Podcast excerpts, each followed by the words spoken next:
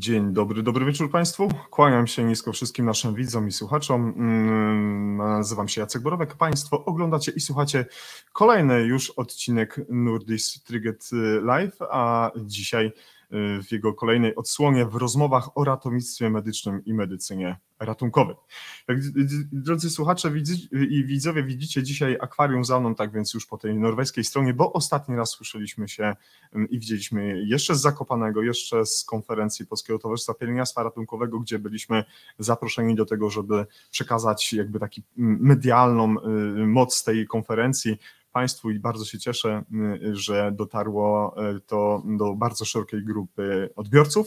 Y, dostaliśmy, otrzymaliśmy mnóstwo bardzo ciepłych informacji, ciepłych takich wiadomości zwrotnych, że było to fajne, było to atrakcyjne, było to ciekawe i podobało, i podobało się Państwu. Nawet padła propozycja, żebyśmy może byli częściej na pewnych wydarzeniach w Polsce. Mam nadzieję, że tak się stanie. Mam nadzieję, że po przerwie wakacyjnej, która już przed nami będzie tak na pewno. Oczywiście dziękuję wszystkim naszym widzom, dziękuję wszystkim słuchaczom, którzy którzy mm, są z nami, są z nami od y, y, bardzo już długiego czasu. Ci wszyscy stali, którzy regularnie nas odwiedzają i ci, którzy są z nami od czasu do czasu, ale później zaglądają między innymi na nasze Spotify, by y, słuchać podcastów, które są również przygotowane na bazie odcinków Entelife. Tak więc wszystkich stałych, takich mniej regularnych i regularnych i dzisiaj nowych widzów i słuchaczy Entelife serdecznie witam. Jest mi niezmiernie y, Państwa dzisiaj powitać. Tak więc y, raz jeszcze kłaniam się nisko i witam w Nurdist Triget Live. Dzisiejszym naszym gościem będzie osoba nietuzinkowa, bardzo barwna, bardzo doświadczona pod względem różnych przestrzeni, w których funkcjonuje na co dzień. Tych doświadczeń, które dzisiaj zebraliśmy, jest tylko tak, tak naprawdę na miastka, więc chcielibyśmy jakby zwrócić uwagę, że nasz gość ma znacznie więcej do pokazania, e, ale z tego plecaka doświadczeń, umiejętności, różnego rodzaju związanych z tym historii będziemy pewnie zaglądać nie tylko dzisiaj, ale mam nadzieję, że w przyszłości nasz gość będzie z nami regularnie.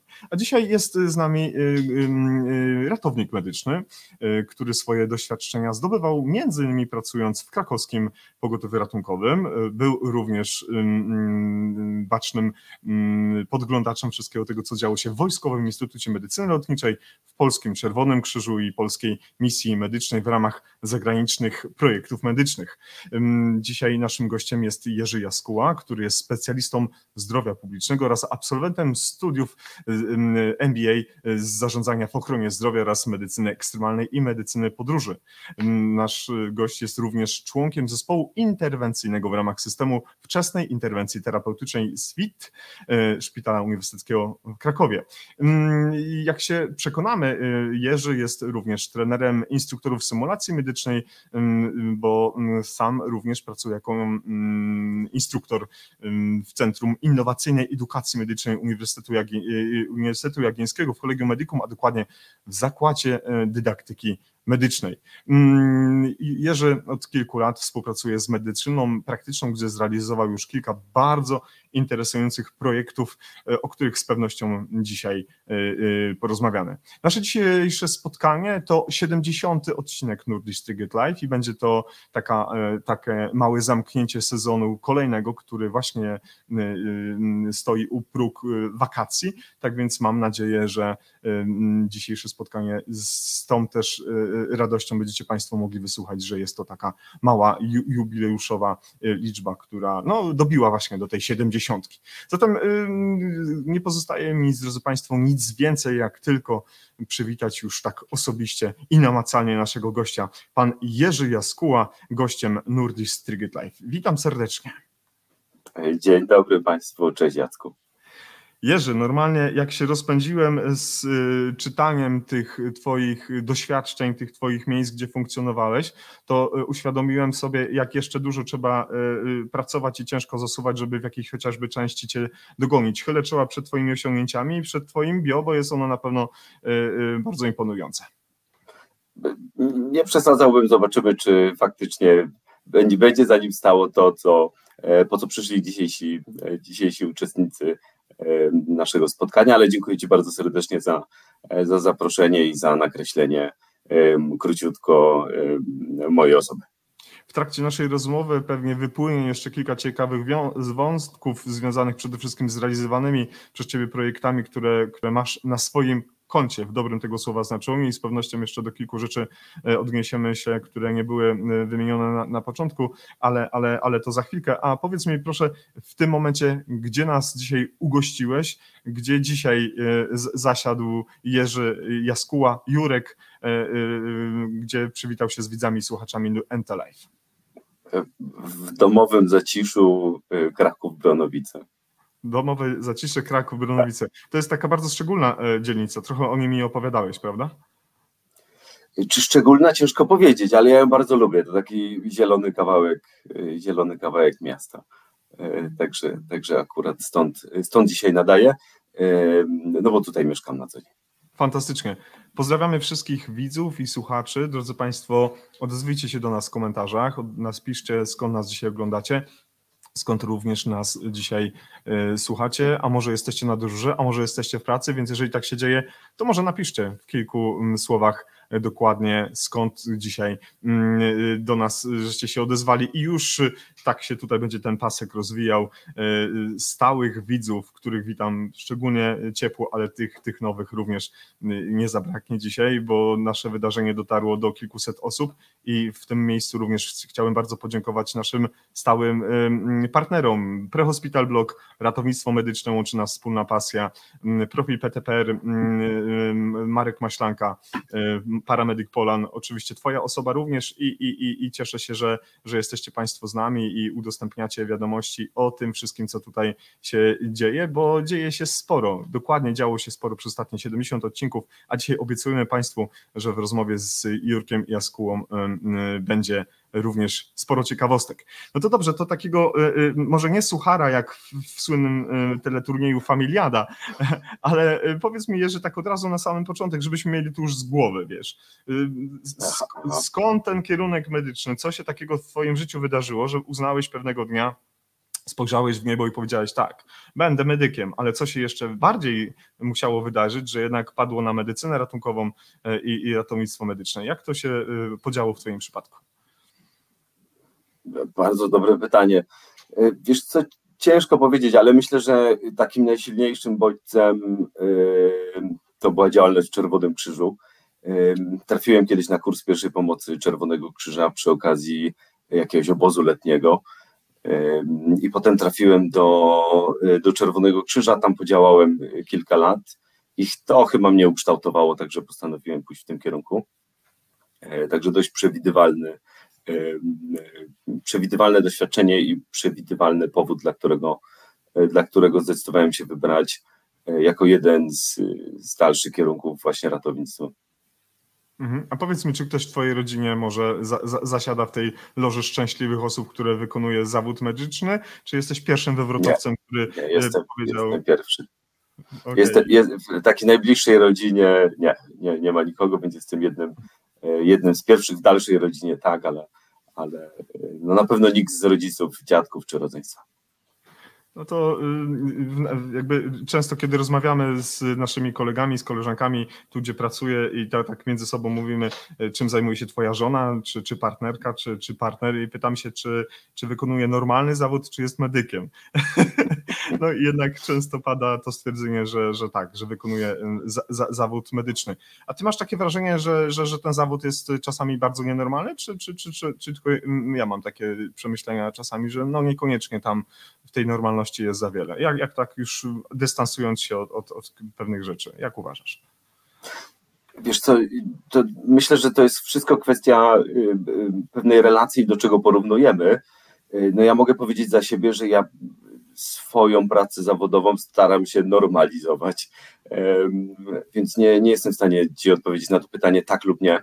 Mhm. Myślę, że to wszystko zależy od tego, do, czego, do czego ją chcemy porównywać, ale no, myślę, że to też chodzi o to wszystko, co się dzieje, co się dzieje w naszych życiach poza tą aktywnością zawodową.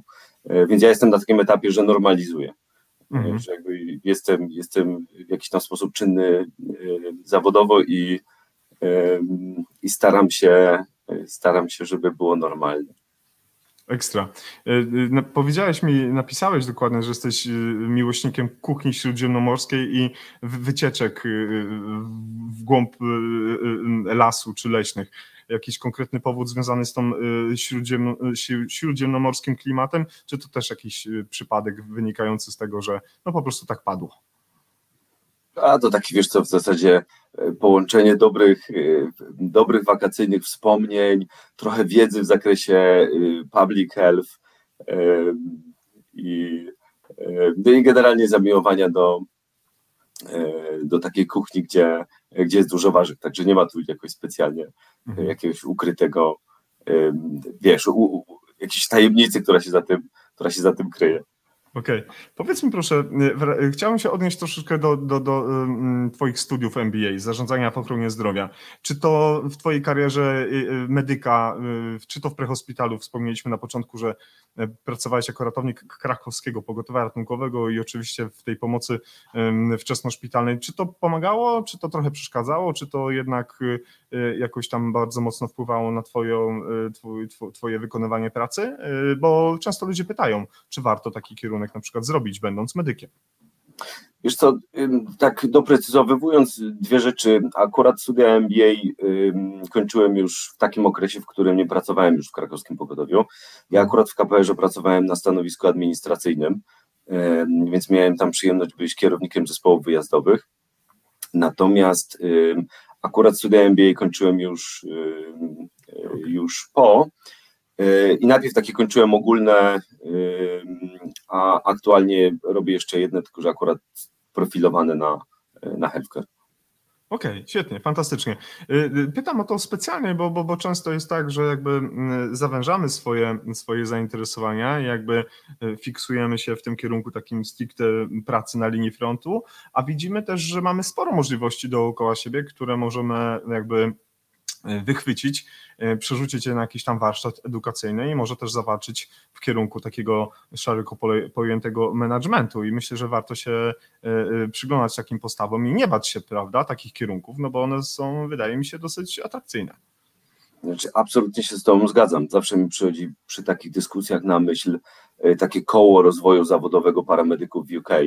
Możemy zresztą je gdzieś tutaj w międzyczasie przywołać który pokazuje cztery różne obszary, w których ratownicy się mogą rozwijać i to nie jest tylko ta ścieżka kliniczna, ale to jest też ścieżka edukacyjna, ścieżka naukowa i ścieżka właśnie e, zarządcza. E, więc wydaje mi się, że, że ewidentnie w Polsce takich menadżerów ochrony zdrowia w różnych w różnych subspecjalizacjach nam brakuje, więc wydaje mi się, że, że dobry background menedżerski bardzo wielu medykom mógłby pomóc. Hmm, fantastycznie. Pozdrawiam Cię nieustannie dzisiaj widzowie i słuchacze, jeżeli trafiasz na bardzo znane tak, widzę, osoby. widzę tutaj. Uśmiecham się do każdego komentarza, bo widzę, że y, mam nadzieję, że, znaczy cieszę się, że są sami znajomi, mam nadzieję, że ktoś jeszcze do nas dotarł. Y, y, drodzy Państwo, żeby się przekonać, czy ktoś do nas jeszcze dotarł, pod naszym wydarzeniem, tak jest taki kwadracik, taka strzałeczka udostępnij za pośrednictwem swojego profilu w mediach społecznościowych, na tym twarzaku, jak to prawił Marek Niedźwiecki z Radiowej Trójki, tak więc korzystajmy dzisiaj z twarzaka, udostępniajmy informacje o tym, że dzisiaj naszym gościem, gościem Life jest y, Jurek Jaskuła, Jerzy albo Jurek, jak wolisz, żebyśmy się do Ciebie zwracali? Bez znaczenia, bez znaczenia, może być może być Jurek. Fantastycznie. O, widzimy, jest Tomek Sanak, Kraków. Dzisiaj silna chyba grupa pod wezwaniem będzie krakowska. Z Tomaszem się już też dawno nie widziałem. Tomasz, pozdrawiam Cię bardzo ciepło i mam nadzieję, że gdzieś tam kiedyś do y, y, szybkiego zobaczenia. Y, Jurku, dzisiejsze nasze spotkanie jest jakby pod hasłem rozmowy o ratownictwie medycznym, medycynie ratunkowej. Każdy powie, że to jest tak szeroki temat, że tak naprawdę można byłoby wyciągać tutaj różne, różne karty, żeby pokazać i, i czy się ugrało teraz karetę, może fulla, streeta, czy może pokera. Y, więc y, tak żeśmy chyba sobie uzgodnili, że dzisiaj porozmawiamy sobie troszeczkę o ratownictwie medycznym z punktu widzenia jakby tych doświadczeń, które masz. Po raz kolejny używam tego stwierdzenia, bo rzeczywiście one są ciekawe i nie tylko barwne, ale przede wszystkim też y, bogate i interesujące. I myślę, że byłoby dobrze, gdybyśmy na bazie tego, co dzisiaj chcemy pokazać, dotykając pewnych obszarów, mogli zwrócić uwagę naszych widzów i słuchaczy, Mm, na pewne ciekawe obszary i jeżeli Państwo uznacie, że któryś z tych kwestii, o których dzisiaj Jurek będzie nam opowiadał, szczególnie Państwa zainteresowało, to może jesienią, Jerzy, kiedy się spotkamy, to może zrobimy y, indywidualny odcinek poświęcony y, danej kwestii takiej, żeby go bardzo mocno zgłębić y, i, ewentualnie się nad tym pochylić i już wtedy rozłożyć daną, daną kwestię na czynniki pierwsze. Co ty na to? Nie ma problemu. Jeżeli tylko coś z dzisiejszej rozmowy zainteresuje widzów bardziej, to, to możemy spróbować to wtedy rozbudować. Okej, okay, fantastycznie. Właśnie się rozpoczęła poza nami już pierwsza e, ciekawa rozmowa na, e, pod wydarzeniem w komentarzach. Bardzo miłe i ciepłe słowa padają w Twoim kierunku, ale myślę, że e, w tym momencie też będziemy szli dalej z, z, z, z naszym scenariuszem. I pozwólcie Państwo, że dodamy taką ciekawą prezentację, którą Jurek nam tutaj podesłał, żebyśmy mogli rozmawiając w formie wywiadowej dowiadywać się ciekawostek, ale też, żeby ona była barwna, żeby ona była ciekawa ciekawa, tak żebyście Państwo zobaczyli, czym przez ostatnie lata zajmował się Jurek, choćby po części, żeby to tworzyło taką ciekawą e, bazę, ciekawą podstawę e, naszych, na, na, naszej rozmowy. I myślę, że może zaczniemy od takiego czegoś, co się nazywa pionierska aplikacja. Żeśmy na ten temat troszeczkę rozmawiali i powiedz mi, dlaczego to jest takie ważne dla Ciebie i, i, i, i, dlaczego to wtedy miało takie znaczenie i jakie to może mieć znaczenie dzisiaj, kiedy rozmawiamy o tym po kilku latach, od kiedy ona została wprowadzona. Wiesz co, Jacko, ważne jest dla mnie, dlatego że y, myślę, że nie wszyscy nasi słuchacze wiedzą, jak wygląda Nokia E51. Okay. natomiast, y, natomiast to tak pół żartem, pół serio. A na poważnie, y, to to jest jeden z takich projektów, który gdzieś w tematach ratowniczych się pojawił kilkanaście lat temu. I wraz, wraz z zespołem, z, który, z którego później powstała Fundacja Ratuj Życie, mieliśmy taki pomysł, żeby stworzyć aplikację, która będzie taką polską mapą AED mhm. E, i polskim, polską, polskim przewodnikiem po podstawowych zabiegach resuscytacyjnych. I tak się w zasadzie, e, w zasadzie zaczęło i taka aplikacja wtedy powstała. No na tamte lata to było, e, to było coś. No zresztą jak widzicie na slajdzie, to jeszcze były takie czasy, kiedy nie wszyscy funkcjonowali w oparciu o smartfony, także, także te początki były dość, e, dość ciekawe, ale to był taki pierwszy, e, większy ratowniczy projekt, z którym próbowaliśmy wyjść do, do szerszego grona użytkowników i, i zaczynaliśmy mapować urządzenia defibrylatory AED, które były, które były, pojawiały się już w przestrzeni publicznej. A powiedz mi, tę wiedzę, którą wtedy miałeś na tamtym etapie, jeśli chodzi o te narzędzia, to już zacząłeś podglądać na przykład u naszych y, sąsi y, europejskich sąsiadów Brytów, czy może w Stanach, czy może gdzieś w Europie już te rozwiązania widziałeś, czy to, co wszystko żeście tam zaczęli konstruować, to było wasze takie przemyślenia pionierskie, ale patrząc na swoje podwórko? Zdecydowanie tak, bardzo dużo projektów, które, które realizujemy, czy które, w których mam okazję realizować. To jest tak naprawdę dobry benchmark i, mm. i różne doświadczenia z całego świata przeniesione na jakieś nasze polskie, e, polskie realia. Także tak, to było w, jak dobrze pamiętam, to chyba inspiracją był amerykański Pulse Point, e, jeśli się nie mylę. Wtedy w Polsce jeszcze nie było takiego rozwiązania, więc próbowaliśmy coś tutaj podziałać na tym naszym mhm. Na tym naszym lokalnym, e, lokalnym rynku. No tak przynajmniej, takie były przynajmniej początki i tak powstała aplikacja Ratuj Życie. Ona dziś już jest, to już jest taki trochę historyczny slajd, e, bo ogrom ludzi był zaangażowany w tworzenie tego projektu. Ona już dzisiaj nie funkcjonuje tak, jak funkcjonowała, funkcjonowała kiedyś, no ale, ale takie były początki. Mm. Jerzy, wiele osób Ciebie zna z takiego miejsca, co nazywa się ratownictwo po godzinach. E, czy to się tobie, tobie dobrze y, podoba, czy też nie tak właśnie jest, bo poza tym, że jesteś dydaktykiem, jesteś naukowcem, wykładowcą, jesteś yy, też ratownikiem medycznym, tak jak już wspomniałeś, mniej już czynem w prehospitalu, bardziej teraz siedzisz w strukturach szpitalnych, ale jednak lud nasz ratowniczy znacie z ratownictwa po godzinach. No jak to się stało, że to powstało? E, jak to się, co to tak na, na, naprawdę się tam działo w kilku zdaniach i co to tak naprawdę dało środowisku ratowników medycznych, ratowniczek medycznych, w ogóle w systemie ratownictwa i medycyny ratunkowej? Wiesz to, to, taki, e, to taki projekt, że się uśmiecham i się trochę łezka kręci w takim dobrym tego słowa znaczeniu. nie byłoby ratownictwa po godzinach, gdyby, gdyby nie mój przyjaciel Grzesio Nowak. I faktycznie było tak, że to taki projekt, który wyszedł, wyszedł z Krakowa już wiele, wiele lat temu. Mhm.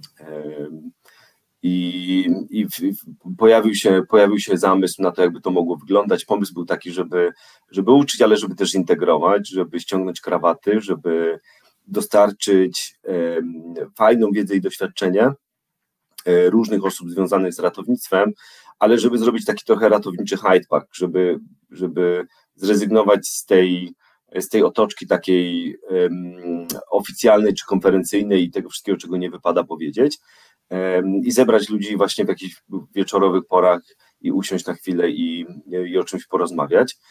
No i tak się zaczęło, i tak zaczynaliśmy. Um, ostatnio mieliśmy trudny okres, bo COVID był raczej, mhm. raczej trudny. Także ja już się złapałem na tym, że, że są już studenci ratownictwa, którzy nie wiedzą, co to za inicjatywa, bo wystarczyło okienko dwuletnie. E, no ale, ale dzięki Grześkowi i dzięki e, wspaniałej ekipie z różnych miast, no, udało nam się dojść do takiego etapu, że RPG się kręciło w 15 polskich miastach. Także mhm. było naprawdę nieźle. Dziś to troszeczkę e, podumarło, aczkolwiek dalej są bardzo prężne miasta. E, więc gdzie niegdzie się, e, gdzie niegdzie się kręci, więc jak zobaczycie e, chociażby na, na fanpage'u Ratownictwa po godzinach, to tam nieustannie takie miasta jak, jak Kraków, czy, czy Wawa, czy, czy Bydgoszcz, tam, że tak powiem, silnie, silnie lokalni koordynatorzy kręcą tą, tą imprezę. Aha. No i serdecznie Was do niej zapraszam. No pomysł jest taki, żeby we własnym gronie się spotykać i, i wymieniać doświadczenia i, y, i integrować y, różne kierunki, kierunki medyczne i wydaje mi się, że to jest taki temat, który naprawdę zaskoczył, że, on, że, że ta impreza nam pokazała, że, y, że był na to, że była na to potrzeba, tak, dzisiaj, dzisiaj Grzesiek właśnie w team nie Kraków, tylko w team Poznań, więc dzisiaj równolegle poznańskie RPG będzie się działo do naszego, do naszego wydarzenia. E, także serdecznie, serdecznie zapraszamy do, e, przy, przy tej okazji pozwolę sobie wszystkich zaprosić do czy to współorganizowania, czy, czy uczestniczenia w tych spotkaniach. No, no, no, no, no bo właśnie y, ja bym się też tak do tego chciał tak dołączyć y, y, jakby w tym nawoływaniu. Drodzy Państwo, organizujcie takie spotkania. Czy one będą się nazywać RPG, czy one będą jakby też jakąś inną inicjatywą, o których też się będziemy rozmawiać. Róbcie takie fajne rzeczy. Niech ta franczyzna, która, którą tutaj została za, zapoczątkowana przez fajnych ludzi, niech się rozszerza. Niech się rozszerza tak samo jak COVID-19. To można porównać. Do COVID-19 porównać Niech we wszystkich dużych miastach te RPG się dzieje i, i mamy nadzieję, że y, y, następnym razem, kiedy się spotkamy y, z Jerzym w jesienią, to już tych informacji, że RPG tam, tam, tam, tam, tam, tam będzie w różnych miejscach. Tak więc do tego namawiam. A może kiedyś NT Live nagramy z takiego, z takiego właśnie odcinka RPG. Może z Krakowa? No może aby, aby, Jacku, zapraszamy. Nigdy, nigdy nie wiadomo. Serdecznie. Nigdy nie wiadomo. Fantastycznie. To jak już jesteśmy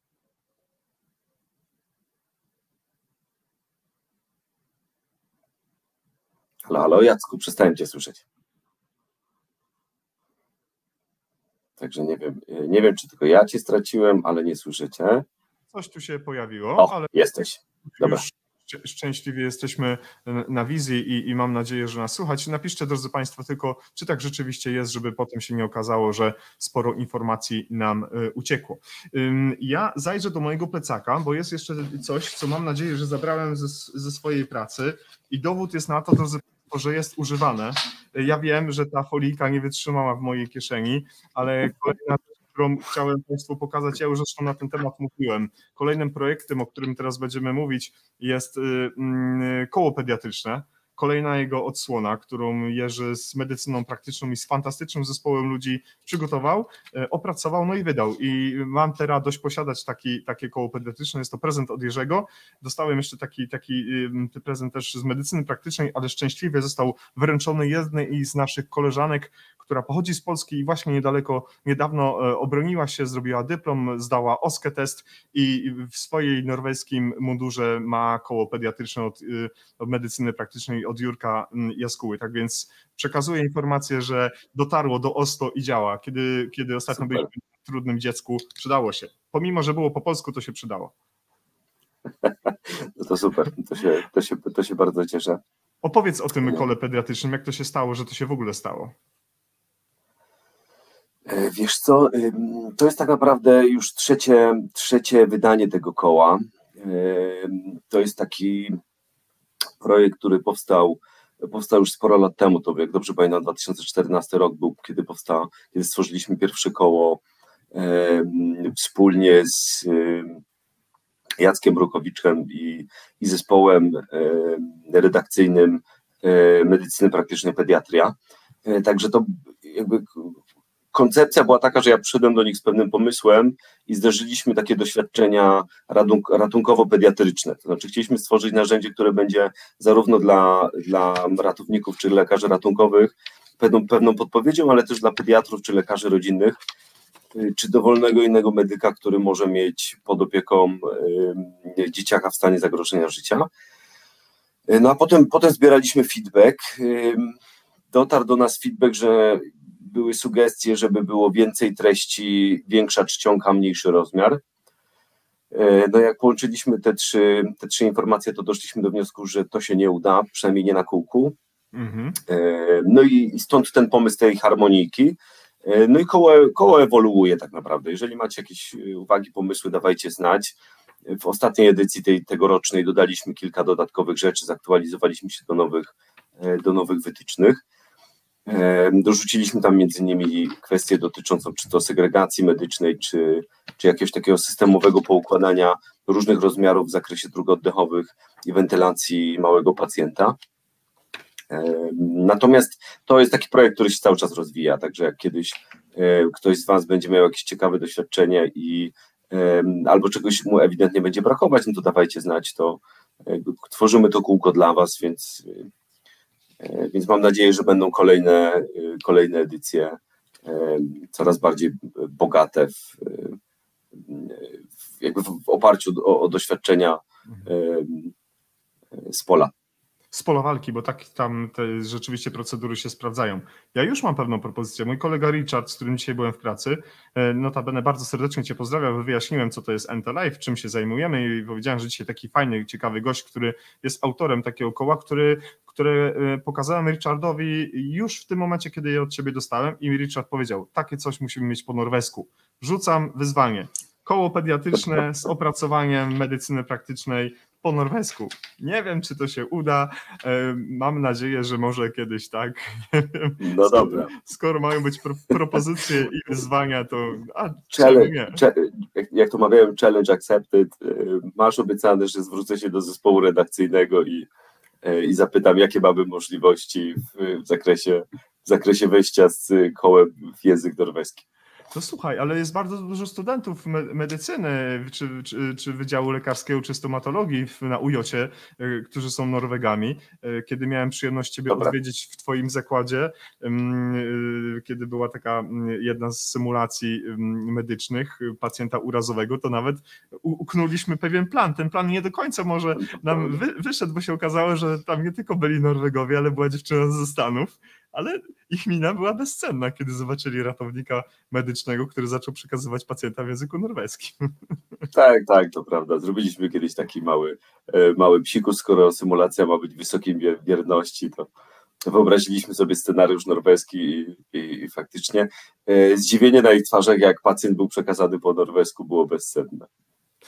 Fa, fa, fajna reakcja była dziewczyny ze Stanów, która w pewnym momencie nie wiedziała o co chodzi, ale potem jak doszło do niej, co to tak naprawdę się dzieje, to była mega zadowolona, tak więc super. Jeszcze raz y, dziękuję Tobie za zaproszenie do, do, do Waszej pracowni, dziękuję za to, że mogłem poznać swoich wspaniałych kolegów, do których y, pewnie y, może jeszcze dzisiaj wrócimy, a jak nie, no to może któryś jeszcze z nich w przyszłości będzie gościem Entelife, bo robią panowie naprawdę bardzo ciekawe rzeczy. Tu zawsze obowiązywała, y, obowiązywała polityka otwartych drzwi, także, y, także cieszę się, że mogłeś do nas, y, do nas zaglądać. I oczywiście jakby zaproszenie jest, wiesz, obowiązuje także dla innych. Słyszeli Państwo? Słyszeli. Tak więc się w tym momencie ekipa z, z, Krakowa nie wyłga. No dobrze, to kolejna rzecz, o której chcielibyśmy wspomnieć, żeby może rozsiać jeszcze te informacje, o których może nie wszyscy wiedzą. Drodzy Państwa, jest e, zarówno program powszechnego dostępu do mm, AED, do, do systemów ratujących życie, bo tak naprawdę to tak trzeba nazywać, ale ten program był wykorzystany w systemie otwartym, w systemie ratownictwa medycznego. O co to dokładnie chodzi i co to zostało zrobione, Jerzy? To była tak naprawdę konsekwencja tych wcześniejszych działań dotyczących mapy, to znaczy próbowaliśmy odpowiedzieć na pytanie chociażby uczestników szkoleń, którzy pytali, no dobrze, jakby potrafię obsłużyć defibrylator AED, natomiast nie wiem, gdzie go znaleźć, więc próbowaliśmy stworzyć do tego, do tego aplikację. E, no ale zdawaliśmy sobie sprawę, że drugą osobą, która może być pytana o lokalizację AED, będzie dyspozytor pogotowia.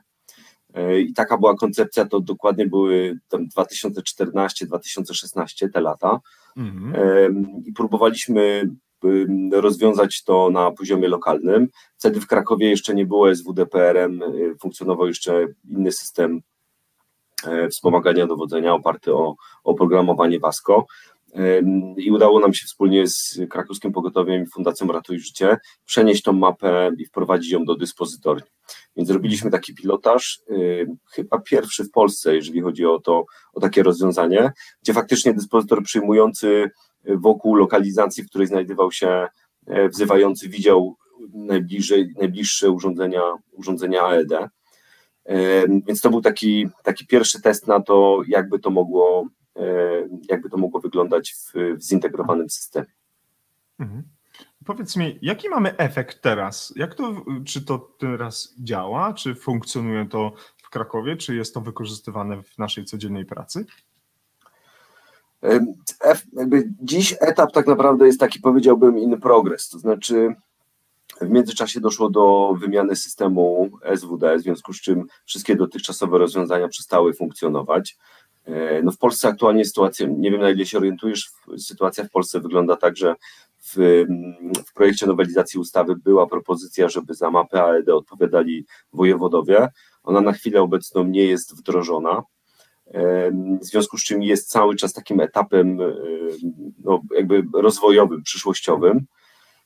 Jest kilka różnych innych inicjatyw, które się pojawiają na, na polskim rynku, oddolnych pomysłów na to, jak je mapować, jak je zbierać i czy wykorzystywać tą hmm. funkcjonalność dotyczącą First Responder Network, tego, tego pierwszego ratownika, który byłby powiadamiany z aplikacji.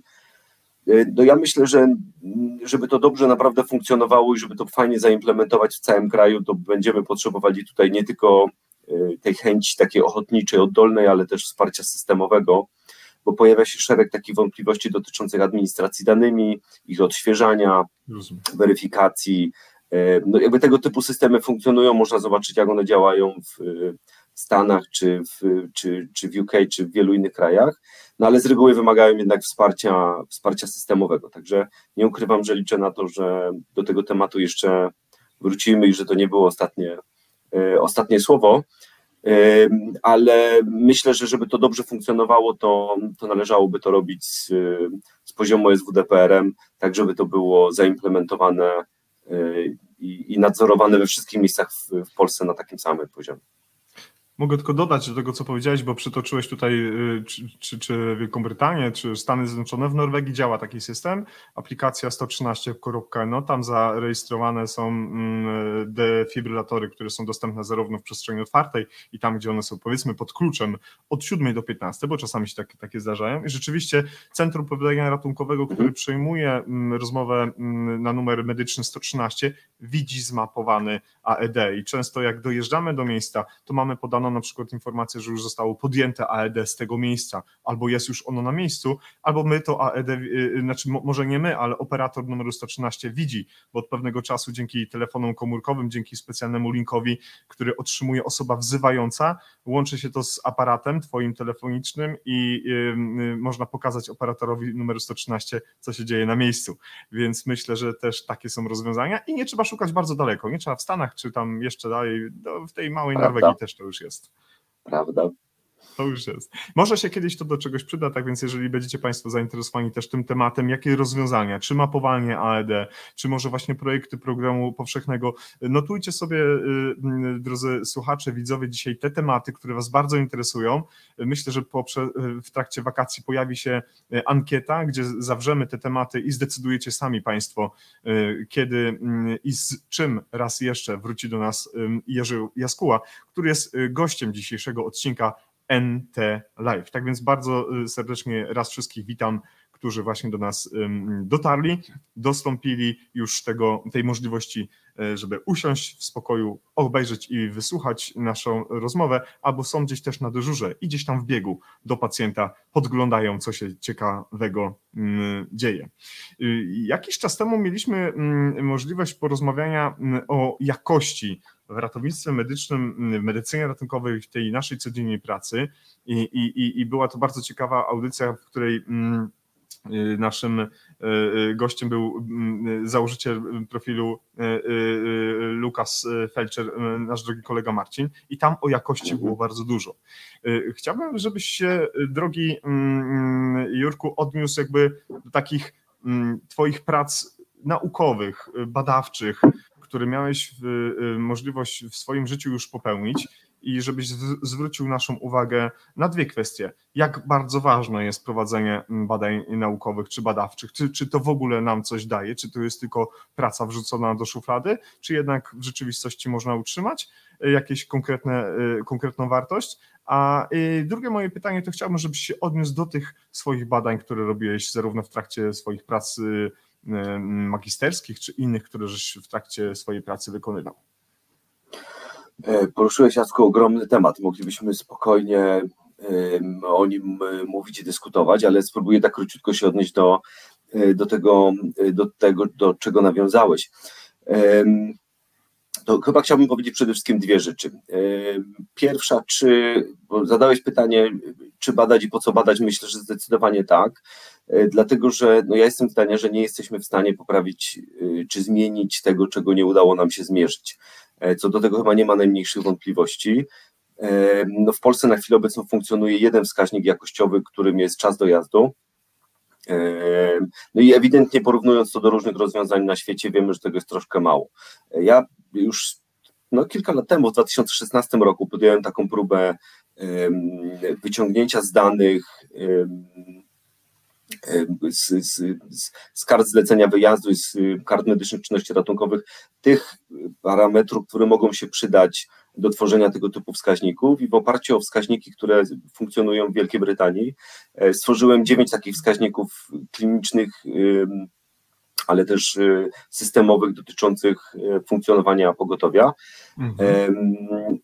No i jakby te, te, dane, które udało mi się zdobyć, porównywałem jakby w trzech grupach. Porównywałem w grupie właśnie naszej krakowskiej, porównywałem London Ambulance Service, porównywałem średnio dla 16 rejonów operacyjnych y, pogotowia w Wielkiej Brytanii. E, tu akurat takie przykładowe dwa slajdy mówiące o, e, mówiące o wskaźniku, który był związany bezpośrednio z nagłym zatrzymaniem krążenia, czyli tak naprawdę czasy, e, czasy dojazdu i, i powrót spontanicznego krążenia. E, to, co chciałbym, na co chciałbym zwrócić uwagę, to chyba dwie takie najważniejsze rzeczy, o których chciałbym powiedzieć. Po pierwsze, ten wynik nie można go odczytywać yy, analizując wyłącznie, wyłącznie jego wynik. To znaczy, cała dyskusja, która, która stoi za tym, jest niezwykle istotna, dlatego że yy, przykładowo w Wielkiej Brytanii te wezwania, które były do nagłego zatrzymania krążenia, czyli te o najwyższym priorytecie, one stanowiły tak naprawdę niespełna 3% wszystkich wezwań. I to mhm. wyłącznie wtedy liczony jest y, ten wskaźnik dotarcia w danym, y, z danym priorytetem. Y, może być tak, że wezwanie o innym priorytecie ma na przykład 60 minut wyznaczony wskaźnik jakościowy. Także jest zupełnie inna konstrukcja systemu, jeżeli chodzi o, o poszczególne priorytety. Druga rzecz, na którą chciałbym zwrócić uwagę, to Brytyjczycy ten wskaźnik liczą od momentu rozpoczęcia, od początku rozmowy z dyspozytorem, wychodząc z założenia, że ten czas przyjmowania musi się wliczać w czas dotarcia na miejsce, no bo z punktu widzenia y, pacjenta, który jest na miejscu i wymaga pomocy, to nie jest istotne, który łańcuch, czy jakby który element łańcucha ile zajął nam czasu, stąd też tak naprawdę cała kwestia metodologiczna wygląda zupełnie inaczej. A my tak na dobrą sprawę w Polsce nie jesteśmy czasami pewni, co liczymy, bo gdybyśmy tak przyjęli od momentu wybrania numeru 112 do momentu dotarcia do pacjenta, to okazuje się, że na tej osi czasu występuje kilka albo kilkanaście kluczowych punktów, y, co do których moglibyśmy się nawigować, bo nagle się okazuje, że to jest jeden operator, inny dyspozytor. Pytanie, czy to jest kwestia przyjęcia, czy, czy, czy puszczenia dalej formatki, czy liczymy czas dojazdu, czy dotarcia, a jak się okazuje z badań, to one są różne. Także odpowiadając na Twoje pytanie, tak, zdecydowanie e, potrzebujemy to badać, potrzebujemy e, wiedzieć, gdzie jesteśmy, żebyśmy mogli w jakiś sposób odpowiedzieć sobie na pytanie, czy zmiany, które wprowadzamy, są na lepsze, na gorsze, żebyśmy mogli e, sami o tym powiedzieć. Na w UK to tak funkcjonuje, że y, każdy z nas może wejść na stronę internetową i zobaczyć, jak jego lokalne pogotowie spełnia wskaźniki w porównaniu do innych. Także przejrzystość tych danych, ich transparentność, mhm. taki pełen benchmarking, y, no to robi wrażenie. To robi wrażenie, że można zobaczyć, y, jak w zeszłym miesiącu czy w zeszłym kwartale moje, moje lokalne pogotowie radziło sobie na przykład z udarami mózgu. Mhm. I mam nadzieję, mam nadzieję, że uda nam się kiedyś dojść do takiego, e, do takiego etapu. E, Paweł Bednarenko, nasz zaprzyjaźniony ratol na wyspach w NHS-ie, e, podsyła nam takie smaczki na swoim profilu. Zaglądajcie, drodzy Państwo, bo tam takich różnych właśnie informacji mhm. jest całkiem sporo, a jak wiemy, Jerzy Jaskuła uwielbia brytyjski system, więc również i tam można znaleźć wiele ciekawostek, ale jeżeli uznacie, drodzy Państwo, że będziecie mieli ochotę przypatrzyć się pracy naukowej, chociaż tak jak Jerzy powiedział, nie wszystko jest na researchgate.net, na tym Jurka profilu, zajrzyjcie tam, bo jest tam kilka ciekawych opracowań, które naprawdę zasługują na, na uwagę i przynajmniej na tyle, żeby je prze, przeczytać, przeanalizować i zastanowić się, co można dla siebie z tych prac zabrać, żebyśmy też tego nie traktowali, że są to jakieś opasłe tomiska, które niczego nie wnoszą. Wnoszą bardzo wiele i czym więcej będziemy badać pewne rzeczy, czy na skali małej, czy na większej, będziemy dochodzić do pewnych wniosków. A myślę, że jak te wnioski będziemy jeszcze głośno prezentować, to a nuż kiedyś padną na jakiś podatny grunt.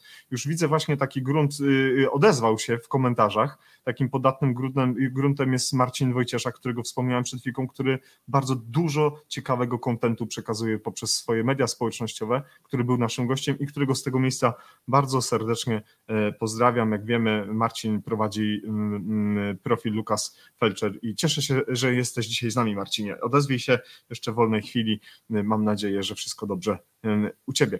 A ja pozwolę sobie mm, odnieść, y, y, y, pozwolę sobie odnieść do, do, do, do takiej kolejnej kwestii, które, które są dla Ciebie bardzo ważne, są bardzo dla Ciebie wyjątkowe, bo, bo nie tylko dlatego, że jesteś prezesem fundacji, dobrze być prezesem w tych czasach, bardzo dobrze być prezesem, ale, ale chciałem, no wiesz, no, prezes to się teraz mimo wszystko dobrze kojarzy, ale jak już tak mówiąc całkiem poważnie, y, to tak, żeśmy rozmawiali sobie gdzieś tam poza anteną, chcielibyśmy Państwa też namówić do takich inicjatyw oddolnych. E, I tutaj Jerzy jako prezes fundacji, która zajmowała się między innymi, czy zajmuje się między, między innymi pozyskiwaniem środku 1% dla, dla serca, jest tego dowodem najlepszym, żeby to robić. Oddaję Tobie głos Jerzy w tej kwestii. Wiesz co, myślę, że przy, przy tej okazji warto byłoby nadmienić dwie rzeczy. To znaczy, zahaczę jeszcze o Twoje poprzednie zdanie. Z tym profilem naukowym to, to raczej odbieram to jako pewne zobowiązanie. Ja nie mam takiego poczucia, żebym był e, naukowcem, jeśli już to raczej początkującym. Mhm. Faktycznie kilka drobnych, drobnych publikacji w obszarze ratownictwa udało mi się, udało mi się popełnić, natomiast to taki obszar, który, e, który cały czas się e, bardzo mocno rozwija, więc e, można go oczywiście, oczywiście śledzić, aczkolwiek nie mam poczucia, żeby wiesz, żeby to były, żeby te prace to był, to byli jacyś game, game changerzy. I akurat ta zacytowana, którą, która była wcześniej, tej tam akurat nie ma, ale oczywiście, jeżeli ktoś byłby zainteresowany, to, to w ramach koncepcji Open Access każdą z tych prac oczywiście możemy E, możemy udostępnić. Natomiast e, patrząc na to, co widzimy, co widzimy teraz na ekranie, e, chciałem w taki pewien sposób zachęcić do tego, że jest ogrom różnych działań, które możemy podejmować w swoich społecznościach lokalnych i i do tego naprawdę nie trzeba robić jakiejś wielkiej nauki. Jeżeli wiemy o tym, że te defibrylatory działają i mogą przynieść jakiś fajny efekt, czy to będzie defibrylator, czy to będzie y, apteczka z opaską zaciskową, czy cokolwiek innego, no to warto te inicjatywy gdzieś, gdzieś podejmować. I chciałem Wam pokazać jakby takie konkretne przykłady, mhm. które udało nam się wraz z zespołem fundacyjnym zrealizować.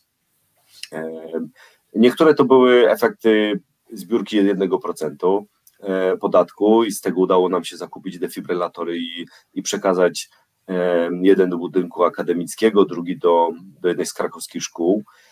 E, ale udało nam się też pozyskiwać różnego rodzaju zewnętrzne granty, między innymi od Fundacji UPS, gdzie, e, gdzie udało nam się dzięki temu wyposażać różne miejsca publiczne w Gdańsku i we Wrocławiu w, mhm. właśnie w, w Defiki AED.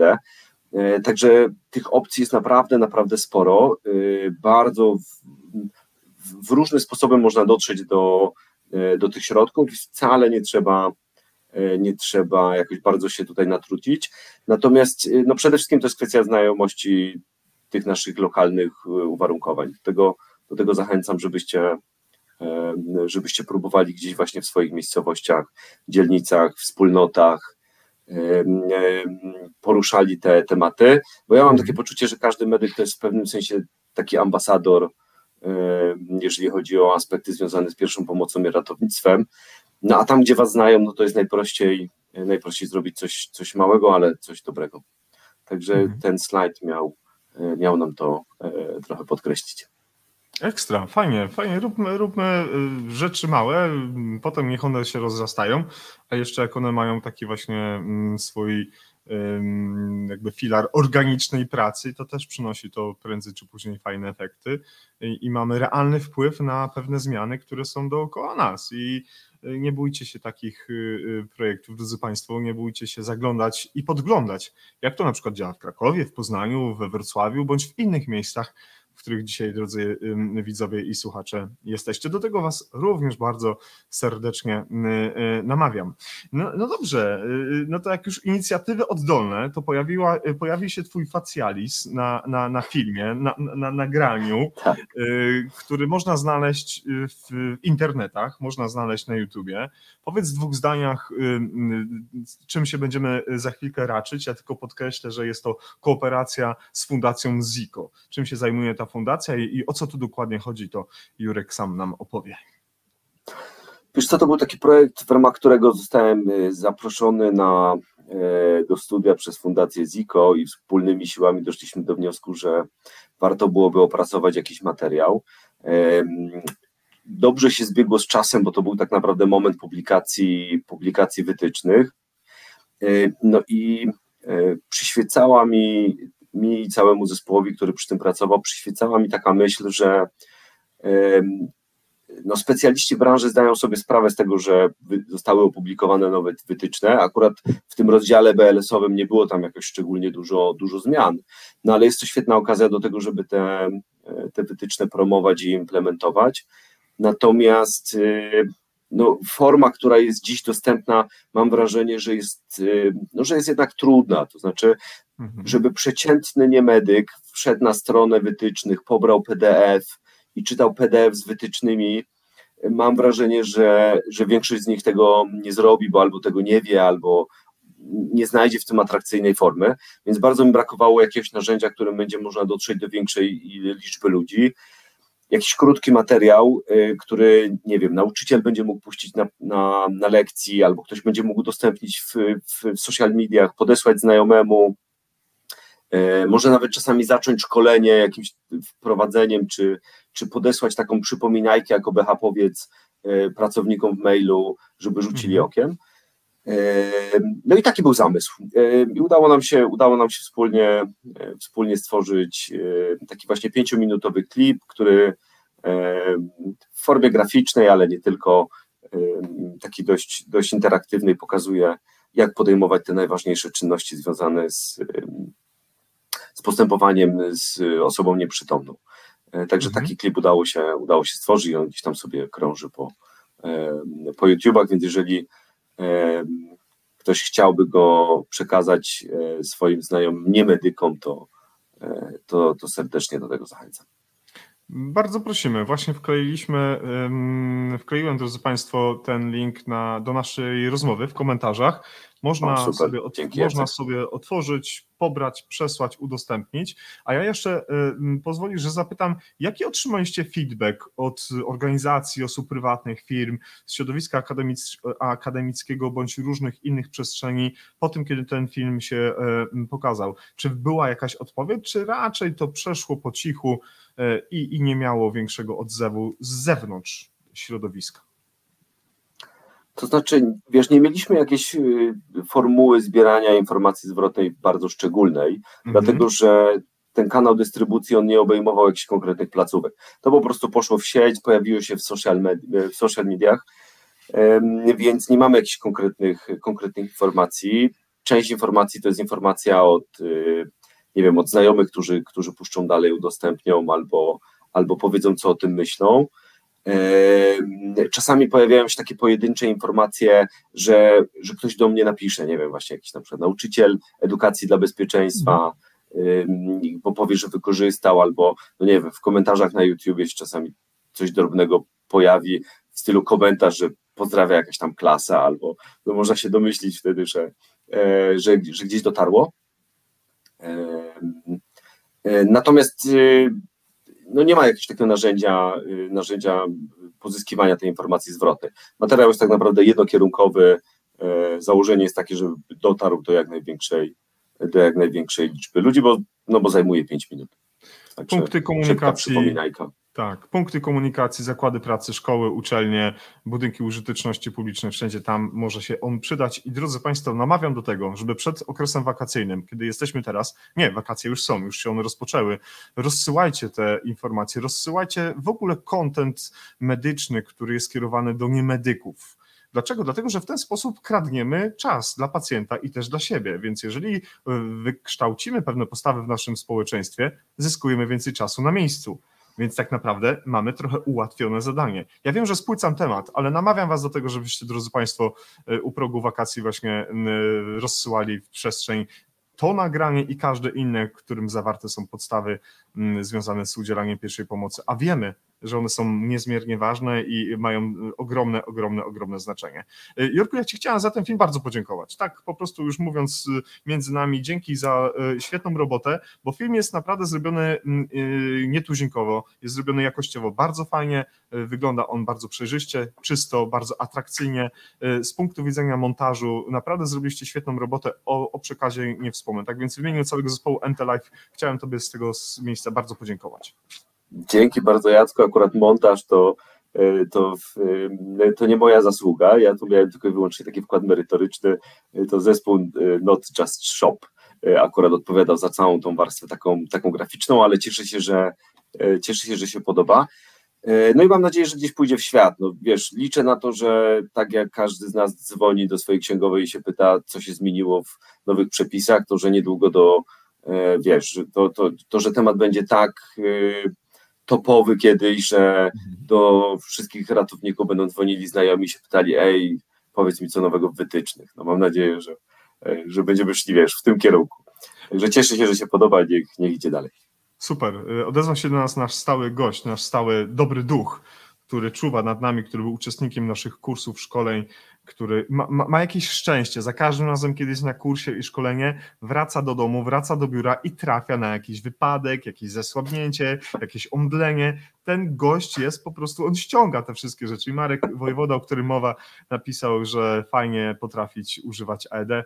Dzięki Marku, że uczestniczyłeś w naszych szkoleniach i mam nadzieję, że kiedyś w przyszłości e, uda nam się zaprosić, nie wiem, chłopaków z Polski. Po raz kolejny zrobimy dobre szkolenie i będzie możliwość y, y, się znowu razem edukować. A Tomek Górecki napisał, że właśnie muszę zadzwonić do księgowej. Zadzwoń do niej i niech cię rozliczy, chłopie, bo wiesz, w tych obecnych niepewnych czasach może być naprawdę naprawdę bardzo różnie. Pozdrawiamy Ciebie y, również, Tomaszu. Mam nadzieję, że wakacje spędzasz równie bardzo dobrze. Ale dobrze, jeżeli jesteśmy na poziomie BLS, czy jesteśmy na Basic Life Support, czyli ta podstawa, no to zaraz gdzieś puka do drzwi coś bardziej zaawansowanego. Y, czy się mylę, czy nie, bo jeszcze został przygotowany y, jeszcze jeden ciekawy film. Film, który jest również bardzo ważny zarówno z punktu widzenia realizacji Twoich projektów, ale też z punktu widzenia jakby przekazu tego kontentu, no, procedur ratujących życie już wewnątrz szpitalnie. O czym jest mowa i, i, i dlaczego to jest takie wa ważne, drogi Jurku?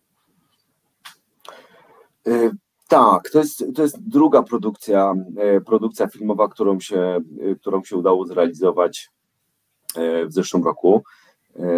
Ona jest taką próbą odpowiedzenia sobie na pewien brak, który, który się pojawił na, w, w polskim internecie, dlatego że za każdym razem, jak chcieliśmy pokazać pewne elementy dotyczące czy to dynamiki pracy zespołu, zespołu rejestracyjnego, czy, mhm. czy coś bardziej zaawansowanego, no to na myśl nam przychodziły filmy gdzieś z zagranicy, więc brakowało ewidentnie, ewidentnie takiej produkcji w, w Polsce. E, to się też po, połączyło tak naprawdę z, z, innoma, z innymi aspektami, to znaczy e, ten film nie jest tylko o zatrzymaniu krążenia. Ten film jest przede wszystkim o pewnej koncepcji, którą, która się wiąże z, z miejscem, gdzie aktualnie pracuję i z zespołem, z którym mam przyjemność pracować, czyli w systemem wczesnej interwencji terapeutycznej, która jest pewnego rodzaju e, wersją zespołu wczesnego reagowania.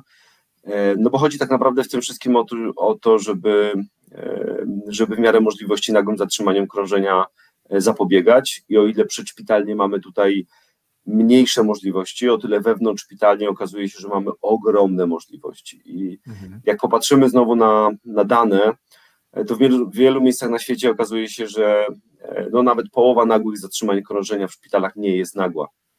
E, I to daje do myślenia i no jakby zmusza nas do tego, żebyśmy trochę wyprzedzali wyprzedzali tę sytuację.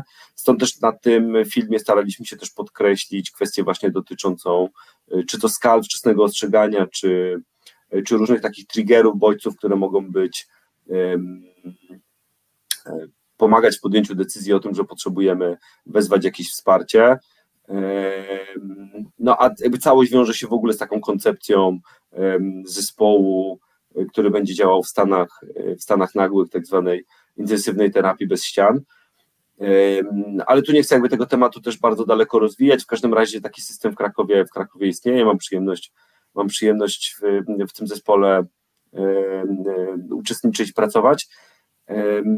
No i staraliśmy się tym nagraniem zebrać aktualne zalecenia dotyczące wytycznych ERC, trochę o dynamice, o pracy zespołu, trochę właśnie o tych zespołach wczesnego reagowania, ale też o tym, co może się wydarzyć bezpośrednio po, albo jakie są inne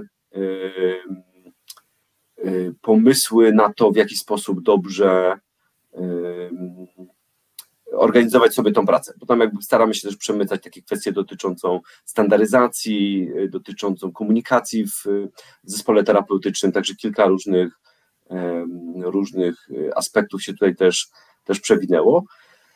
No i założenie było takie, żeby to był materiał dla, y, dla pracowników szpitala, ale ponieważ robiliśmy to wspólnie, udało mi się do tego projektu zaprosić y, jakby nie tylko ten zespół świtowy, ale też, e, też uniwersytet, no to chcieliśmy, żeby z tego powstał też materiał dla studentów, ale w zasadzie nie ma potrzeby się ograniczać. W związku z czym y, poszliśmy trochę szerzej i postanowiliśmy, żeby to był materiał ogólnodostępny. No i w ten sposób jakby obok siebie stanęły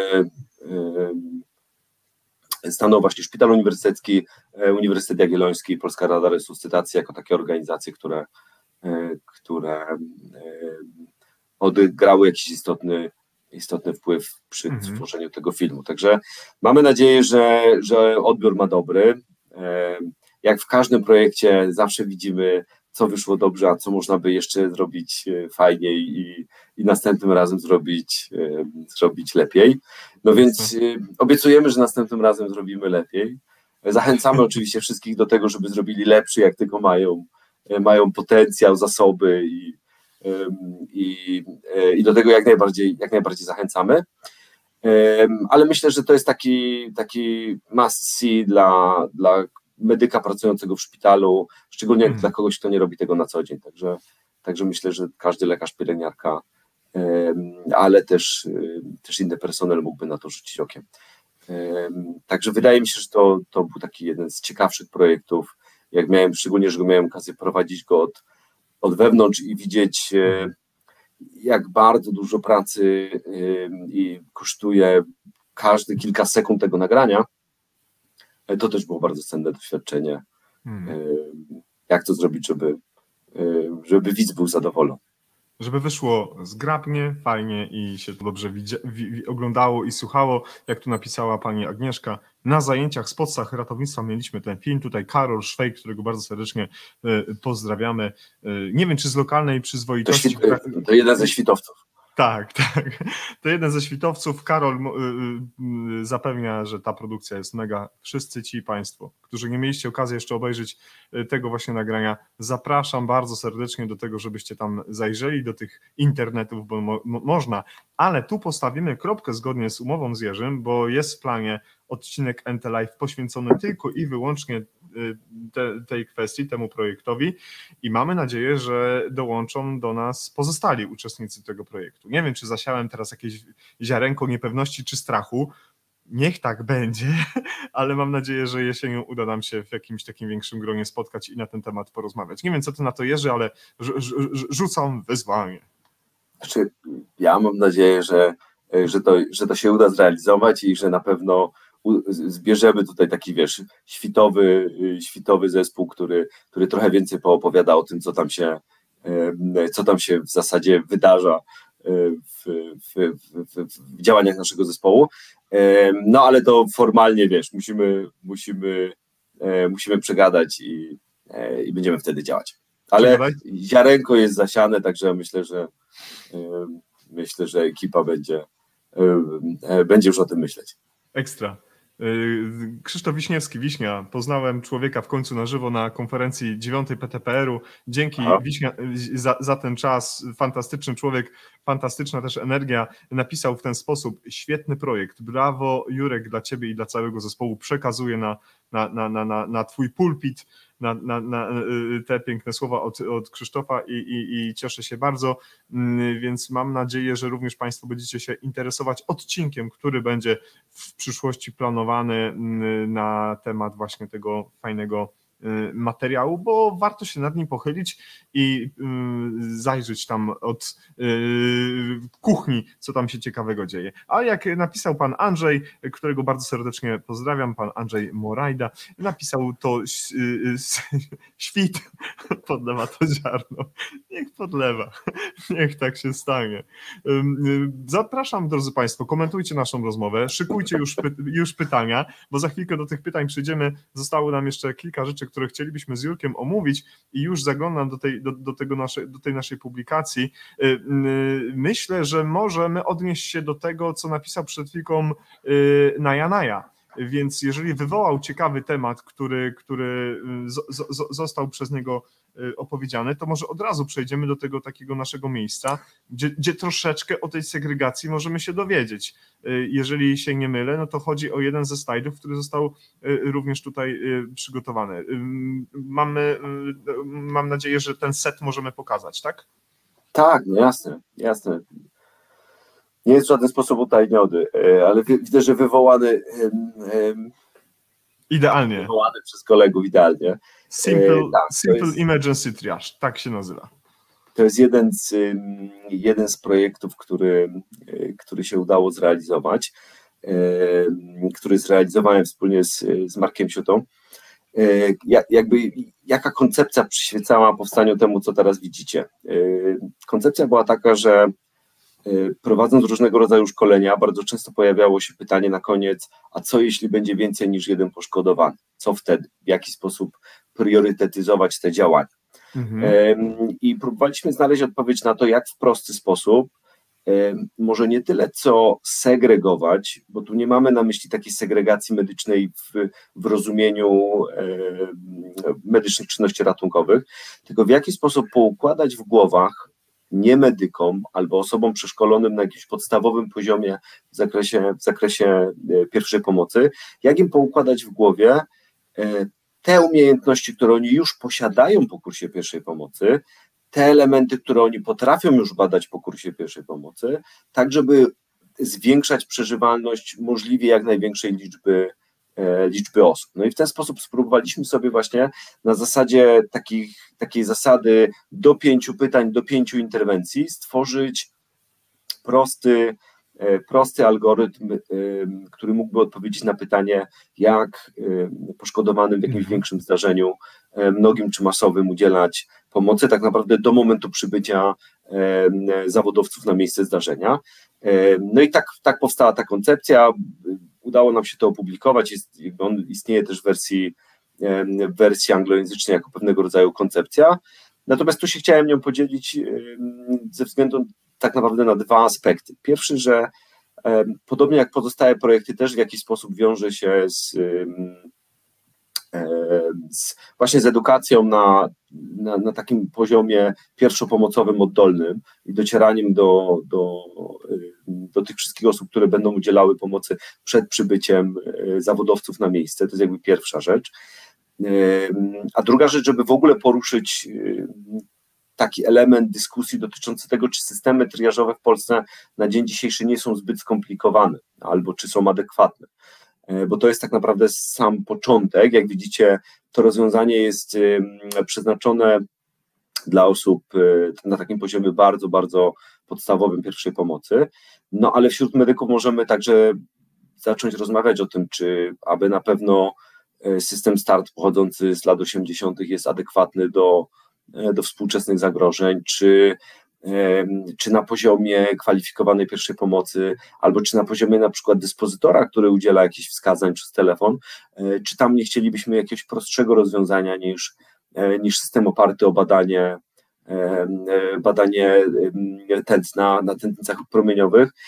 No może fajnie byłoby spróbować znaleźć coś, co, co ma szansę ma szansę uprościć te działania w sytuacjach mocno stresowych. Stąd też taka, taka koncepcja. E, więc jeżeli kogokolwiek to będzie interesowało, to, e, to zachęcam. Możecie sobie też sami to przemyśleć i, e, i dać znać, czy, no, czy to ma sens, czy, czy, chcielibyście, czy chcielibyście to zrobić inaczej. Okej. Okay. No to bardzo się cieszę, bardzo dziękujemy koledze Naja Naja, że wywołał wilka z lasu albo wywołał algorytm z lasu, bo było to zaplanowane idealnie, nam się w to wszystko plotło, tak więc yy, bardzo się cieszę. I nawet od razu pojawił się ciekawy komentarz i go od razu wrzucę od Marcina, yy, że jest bardziej zwolennikiem set niż start yy, lub procedurę postępowania na wypadek wystąpienia zdarzenia z dużą liczbą poszkodowanych. Tak więc aprobata od Lukasa poszła.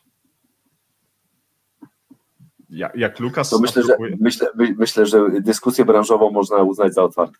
Tak jest. Wrzucona jest rękawiczka, czy tam zbroja cała z koniem i z podkowami i, i możemy to zostawić. Ale wiesz co, spływają na, na, ciebie fajne, fajne, fajne komentarze. Ten mi się spodobał. Y, Marcin Janik napisał bardzo ciekawy komentarz odnośnie twojej osoby i działalności, bo też trzeba na, na to w ten sposób patrzeć, tylko wiesz, żeby, żeby tak od razu nie było górnolotnie. Ale Marcin napisał bardzo ciekawy, gdyby EBM był człowiekiem, byłby Jurkiem Jaskułą. No miło, miło naprawdę czytać takie rzeczy. Chociaż, Dzięki. Chociaż jeśli chodzi o tę symulację medyczną, o której mówiłeś, no to niedawno byłeś w Sewilli i powiedziałeś mi poza, poza anteną, że no nie ma twardych EBM-ów, które mówią o tym, że symulacja medyczna jest rzeczywiście taka potwierdzona, że tak powinno się robić. No bo no, za, za, za, zamęt zasiałeś. Co w tej Sewilli, żeście tam yy, wersję jakąś szerzyli? Jak można takie rzeczy mówić? Jacek, wywołujesz kolejny temat rzekę, czyli temat w ogóle EBM-u, jako Evidence-Based Medicine. Co kto rozumie przez, przez EBM i mhm. jak się do tego odnieść w takim codziennym, codziennym postępowaniu, bo na pewno jest tak, że że sama fraza EBM jest niezwykle, niezwykle ostatnio popularna i dobrze, i jakby jest popularyzowana w różnych, w różnych źródłach. Tutaj chociażby Tomek Janus robi, robi ogromną, e, świetną robotę w tym, w tym zakresie. Natomiast y, będąc przy EBM, ja bym chciał chyba powiedzieć jedno, jedno kluczowe zdanie, że e, często jest tak, że broniąc jakiejś teorii, czy, czy jakiegoś sposobu postępowania, próbujemy znaleźć do tego jakąś podbudowę naukową i znaleźć jakiś artykuł, czy, czy jakąś pracę na PubMedzie, która by potwierdziła e, to nasze postępowanie. ja mam wrażenie, czy jestem jakby głęboko o tym przekonany, że w dzisiejszych czasach EBM to nie są pojedyncze publikacje. Bo z, z pojedynczych publikacji wynikają potem takie wątpliwości. Ja zawsze podaję przykład deski ortopedycznej czy kołnierza po 35 latach y, służby w ratownictwie medycznym okazuje się, że, że jednak w grupie badanych, którzy byli ustawieni osiowo, ale na, na noszach karetkowych, te wyniki dotyczące deficytu neurologicznego w zasadzie nie są gorsze, a lepsze. I nagle się okazuje, że, że ogrom rzeczy, które pomimo tego, że logika wskazywała, że w ratownictwie są bardzo ważne, wcale takie nie będą jakby takich dyskusji jest ogrom, chociażby kwestie zaklejania otwartych ran, klatce piersiowej. I to moglibyśmy nie skończyć dzisiaj, jakbyśmy poruszyli e, wszystkie wątpliwości z, z tym związane, więc na pewno jest tak, że potrzebujemy wysokiej jakości badania naukowe i wychodzę z założenia, że nawet jeżeli ktoś zrobi małą pracę, e, nawet jeżeli to będzie mała praca taka retrospektywna, e, gdzieś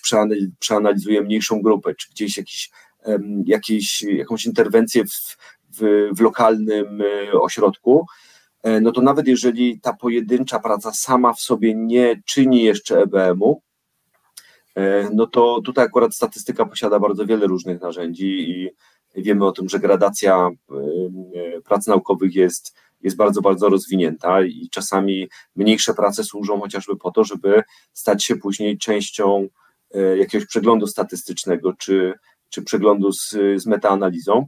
E, mhm. No i jak mówimy o EBM-ie, to to mam na myśli. To znaczy nie wychodzę z założenia, że nie pojedyncza publikacja, która się pojawiła gdzieś w jednej z baz medycznych typu, typu PubMed Medline, e, tylko, tylko ogrom pracy, którą wykonują osoby wykonujące przeglądy, mhm. które wcielają do tego wszystkie dostępne na świecie prace w danym obszarze. Także, także przy okazji EBM-u warto było o tym powiedzieć to zadając pytanie na końcu Twojej odpowiedzi, jak powinniśmy korzystać z MBM-u, to już wiemy, drodzy Państwo, że patrzmy bardzo szeroko, bardzo mocno na publikacje, bo, bo zdarza się bardzo często, że wyniki e, dotykające jakiejś jednej kwestii mogą się od siebie różnić w zależności od środków, metod badawczych, grup, które poddajemy naszej ocenie, więc tak jak Jerzy powiedział, szerokie, szerokie patrzenie na ten EBM. No dobra, a jak już mamy te wszystkie prace, już mamy to wszystko ogarnięte, to jak tak przenosić nasz EBM? Często e, Tomek Janus na, na, na swoim też profilu Prehospital Blog pisze, czy, czy, czy Kuba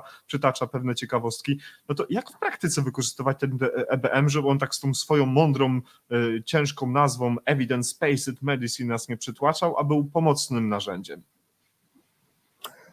Wiesz co, myślę, że to zależy do kogo kierujesz to pytanie, no bo jeżeli kierujesz je do kogoś z zacięciem naukowym, no to jego zadaniem jest y, ten EBM tworzyć, bo jakby celem naukowca jest y, poddawanie pod wątpliwość. Jakby naukowiec ma, y, ma, ma kwestionować, ma pytać, czy aby na pewno. E, więc myślę, że przeżywamy aktualnie w ratownictwie na świecie taki okres, w którym będziemy bardzo wiele strategii kwestionować. Mhm. E, I myślę, że musimy się, musimy się na, na to przy, e, przygotować, że bardzo wiele dotychczasowych strategii będzie podważało nasz autorytet, bo okaże się, że one wcale nie są tak skuteczne, jak nam się wydawało, pomimo tego, że międzynarodowe publikacje o tym mówiły.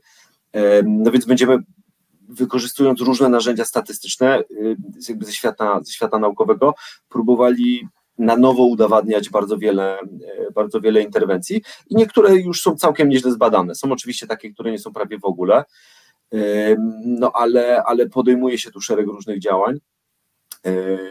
No i tego brakuje, dlatego że bardzo wiele badań dotyczy postępowania wewnątrzszpitalnego tak naprawdę i nie mhm. zawsze ich przeniesienie na zewnątrz do strefy ratownictwa medycznego jednoznacznie potwierdza wyniki. To chociażby kilka publikacji dotyczących y, leczenia krwią wstrząsu krwotocznego w opiece przedszpitalnej, które ostatnio podważają to, czy jest sens wykorzystywać ją przedszpitalnie, więc temat wcale nie jest zero-jedynkowy. E, I tu jest ogrom, e, ogrom e, dyskusji, więc wydaje mi się, że EBM przede wszystkim musi być dopasowany. To znaczy badania badaniami i trzeba badać to w obszarze jakby swoich kompetencji i na własnym terenie operacyjnym, w sensie jakby w warunkach, warunkach polskich, polskich. Niektóre dane można, czy doświadczenia ekstrapolować, no niektóre niektóre fajnie byłoby potwierdzać w naszych polskich realiach. No a dla tych, którzy chcą być po prostu dobrym prowajderem jako, jako wykonawca, no to myślę, że czeka nas, czeka nas w końcu do określenia tego, czego nam brakuje cały czas w ustawie, czyli no, czyli procedur medycznych, nie? czyli mhm. przynajmniej tam, gdzie nie mamy wątpliwości co do tego, jakie działania na pewno przynoszą e, oczekiwany skutek, to, e, to wydaje mi się, że, że będziemy musieli do tego dojrzeć i je w końcu zacząć, e, zacząć tworzyć. No ale przy tym wszystkim będziemy musieli także medyków nauczyć trochę o jakościach dowodów, Mhm. i trochę też o różnych innych wskaźnikach, no takich na przykład jak NNT, żebyśmy też wiedzieli, na ile te interwencje są bezwzględnie ratujące życia, na ile są takim procesem pomocniczym. Ale to jest w ogóle temat na super dyskusję ale to jakby, wiesz, parkujemy na liście. Pojawi się w ankiecie rozmowa o EBM w NT Live. Pojawi się ta ankieta, będzie na, na, na naszej stronie, naszym profilu.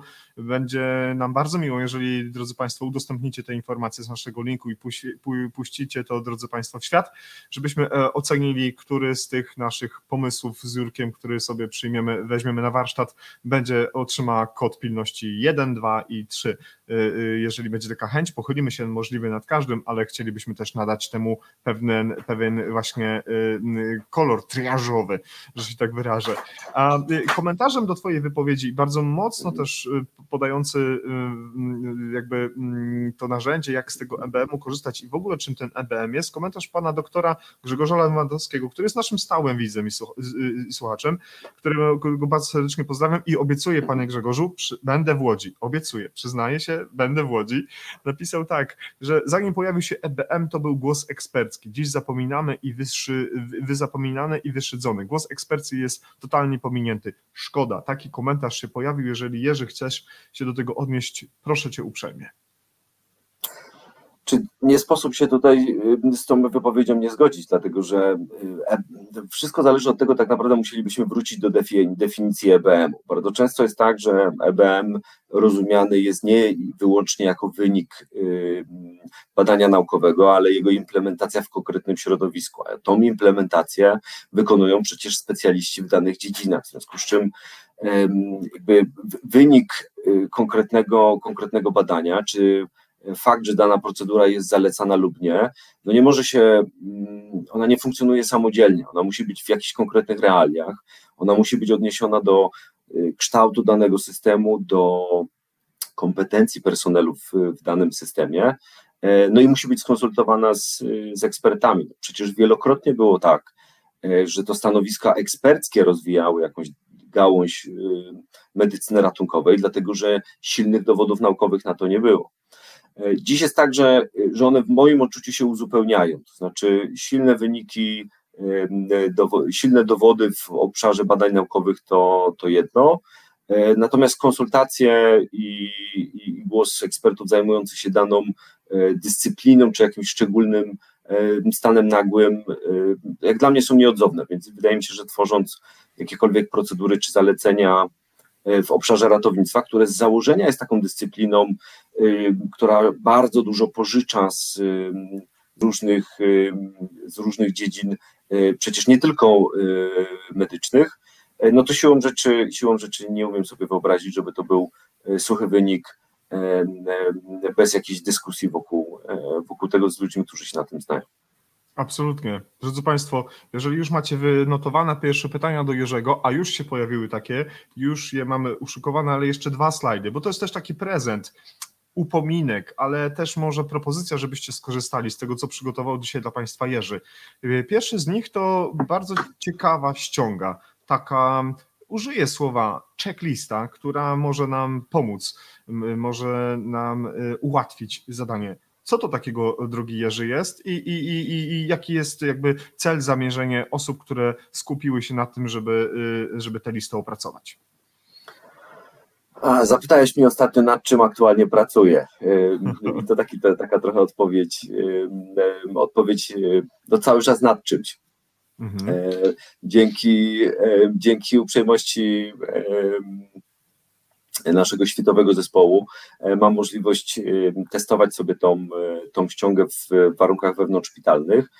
To jest taki pomysł, jakby koncepcja pochodzi z, z, kilku krajów, zarówno z podobnej ściągi, która powstała w brytyjskim NHS-ie, jak i z różnych doświadczeń takich. Miałem kiedyś przyjemność prowadzić kurs ALS-u w Szwecji i tam pierwszy raz się spotkałem z kartami prowadzenia resuscytacji wewnątrzszpitalnymi. I przyszedł mi do głowy pomysł, żeby stworzyć taką mały, taki leaflet, taką małą ulotkę. E, to, co widzicie teraz na ekranie, to jest taka koncepcja ściągi, którą można złożyć w formie takiej ulotki, która się mieści do, do kieszeni w kamizelce, czy, czy, czy w skrapsie, czy gdzieś tam na, na boku spodni. Ona się składa tak naprawdę z sześciu stron. No jak widzicie, ta pierwsza strona zielona dotyczy różnego rodzaju wyzwań komunikacyjnych, czerwona jest bardzo taka kliniczna, e, niebieska dotyczy otoczenia pacjenta, zielona to klasyczne 4H4T, góra tej ściągi to taka część raportowa, no i ona, ta, ta, ta ściąga ma też drugą stronę, która dotyczy między innymi tych aspektów, które można jeszcze rozważyć w zatrzymaniu krążenia, jak i sytuacji szczególnych, sytuacji trudnych, e, wskazań do, do ECPR-u, e, tego, co zrobić, jak się uda, jeśli chodzi o ROSK i tego, co w ogóle zrobić na zakończenie akcji resuscytacyjnej. No i to jest taka trochę moja fantazja dotycząca tego, co jeszcze moglibyśmy zrobić, żeby tą resuscytację prowadzić jeszcze lepiej. Na co chciałbym zwrócić uwagę, to na dwie ważne rzeczy. Po pierwsze, to jest draft. To znaczy, to jest projekt, który się cały czas rozwija i, i tutaj są dodawane różne etapy, jakby cały czas jest coś zmieniane. E, po drugie, założenie tej ściągi było wsparcie zespołu, z którym pracuję na co dzień, czyli w ramach resuscytacji wewnątrzszpitalnej. Ją oczywiście można adaptować do warunków y, przedszpitalnych, aczkolwiek, no jak widzicie, nie wszystkie elementy będą tutaj adekwatne do, do działania dwuosobowego zespołu UP chociażby, e, więc zdroworozsądkowo do tego trzeba podejść. Mhm. Natomiast co przyświeca jakby powstaniu tego, tego projektu i tej, tej karty, tej ściągi? E, na pewno nie jest to e, karta dla kogoś, kto nie wie o co w ALS-ie chodzi. To znaczy zdecydowanie jest to, e, jest to pomysł dla kogoś, kto wie jak prowadzić zespół resuscytacyjny. Ona może mu pomóc w trakcie wykonywania działań, zrobić te dwa kroki do tyłu i, i sprawdzić sobie na checkliście, czy, czy wszystko zostało zrobione najlepiej, jakby mogło być. Ona może też posłużyć do, do takiego hot debriefingu, do podsumowania, żebyśmy sobie sprawdzili, co poszło dobrze, co było zrobione, o czym ewentualnie zapamiętaliśmy. E, może być też takim zasobem trochę CRM-owym, jeżeli będę w jakimś trudnym miejscu w algorytmie, nie będę wiedział, czy wszystko zostało zrobione, coś idzie nie tak, no to mogę spróbować sięgnąć po tą checklistę jako takie narzędzie kognitywne, które może jeszcze zmienić przebieg samego, e, samej akcji resuscytacyjnej, ale może być też takim urządzeniem, które daje nam samym informację zwrotną, czyli to ja spokojnie wracam e, po takiej akcji, biorę tą kartę, siadam, kawa w dyżurce i sobie na spokojnie przeglądam i zaglądam i próbuję sobie mieć jakąś autorefleksję na temat tego, jak postępowałem.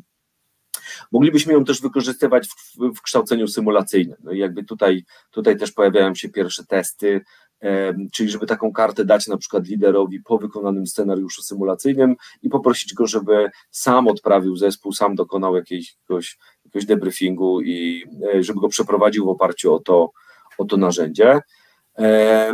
No więc pomyślałem, że jak planowaliśmy Jacku nasze spotkanie, mm. że no, skoro ktoś z nami wytrzyma półtorej godziny, no to musimy na koniec e, jakoś im podziękować. E, no i pomysł, pomysł był taki, że, że ta karta będzie takim, taką, taką gwiazdką, takim pomysłem, może jakąś inspiracją też dla miejsc, gdzie, gdzie, gdzie różne osoby pracują. Więc widzę, że się pojawiło pytanie, czy będzie udostępniona. Tak, będzie udostępniona. Od razu mówię, że to jest draft, natomiast y, nie przygotowałem linku na dzisiaj, bo, bo się nie wyrobiłem ze wszystkim, natomiast mogę Wam obiecać, że w ciągu najbliższych dni wypuścimy ją z Jackiem, także będzie, także będzie dostępna.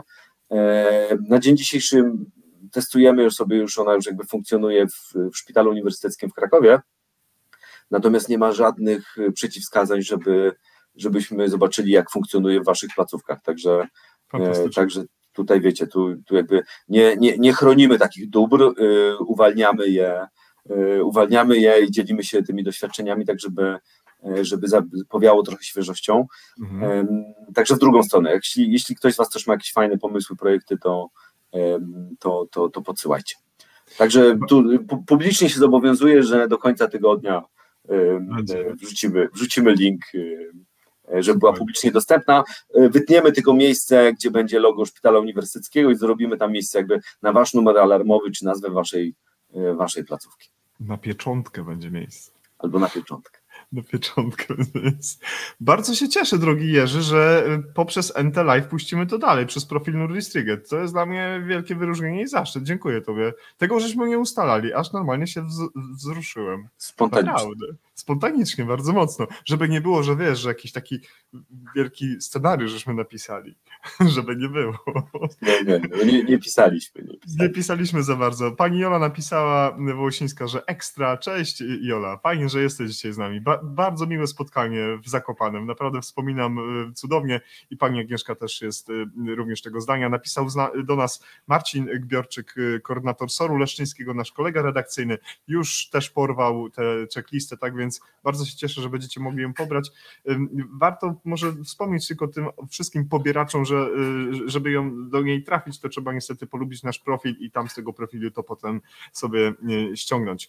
Mm, Jerzy, chciałem jeszcze Ciebie zapytać o najdroższe zakupy Twoje w życiu, ale ja myślę, że z racji tego naszego czasu, który jest, może przejdziemy do pytań. Jeżeli będziemy jeszcze mieli na to trochę siły i czasu, to może byśmy poruszyli, te, poruszyli te kwestie, bo rzeczywiście Twoje najdroższe, najdroższe zakupy w życiu są bardzo ciekawe, ale y, ciekawsze są y, pewnie y, znacznie bardziej y, komentarze i, i, pytania od naszych widzów i słuchaczy, no bo, no bo praktycznie tak naprawdę to dla nich to dzisiejsze spotkanie jest i bardzo się cieszę, że nadal tyle osób jest dzisiaj z nami i zdecydowało się nas przywitać wszędzie tam, gdzie drodzy widzowie i słuchacze NTLF jesteście. Napisał Krzysztof z Paramedic Pola Ratownictwo, nasz współtwórca. Cześć panowie, z małym opóźnieniem, ale się witam z wami. Mam nadzieję, że jesteś na urlopie Krzysztof i odpoczywać, bo jeżeli jesteś gdzieś indziej, to cię nie wybaczymy. Pozdrawiamy Krzysztofa pojawiło się pierwsze pytanie od, na, gdzieś na początku, y, które, które przekażę od pana właśnie doktora Lewandowskiego. Y, czy można w ramach reklamy telewizyjnej w bloku reklamowym pomiędzy programami podać krótki film o BLS na przykład? Co zrobić, by uratować poszkodowanego? Nadal mamy z tym problem. Jak można zrealizować taki pomysł? Chyba wykorzystać materiał, który został nagrany, ale jeżeli Jurek ma inny pomysł, to zostawiam y, go z odpowiedzią na to pytanie.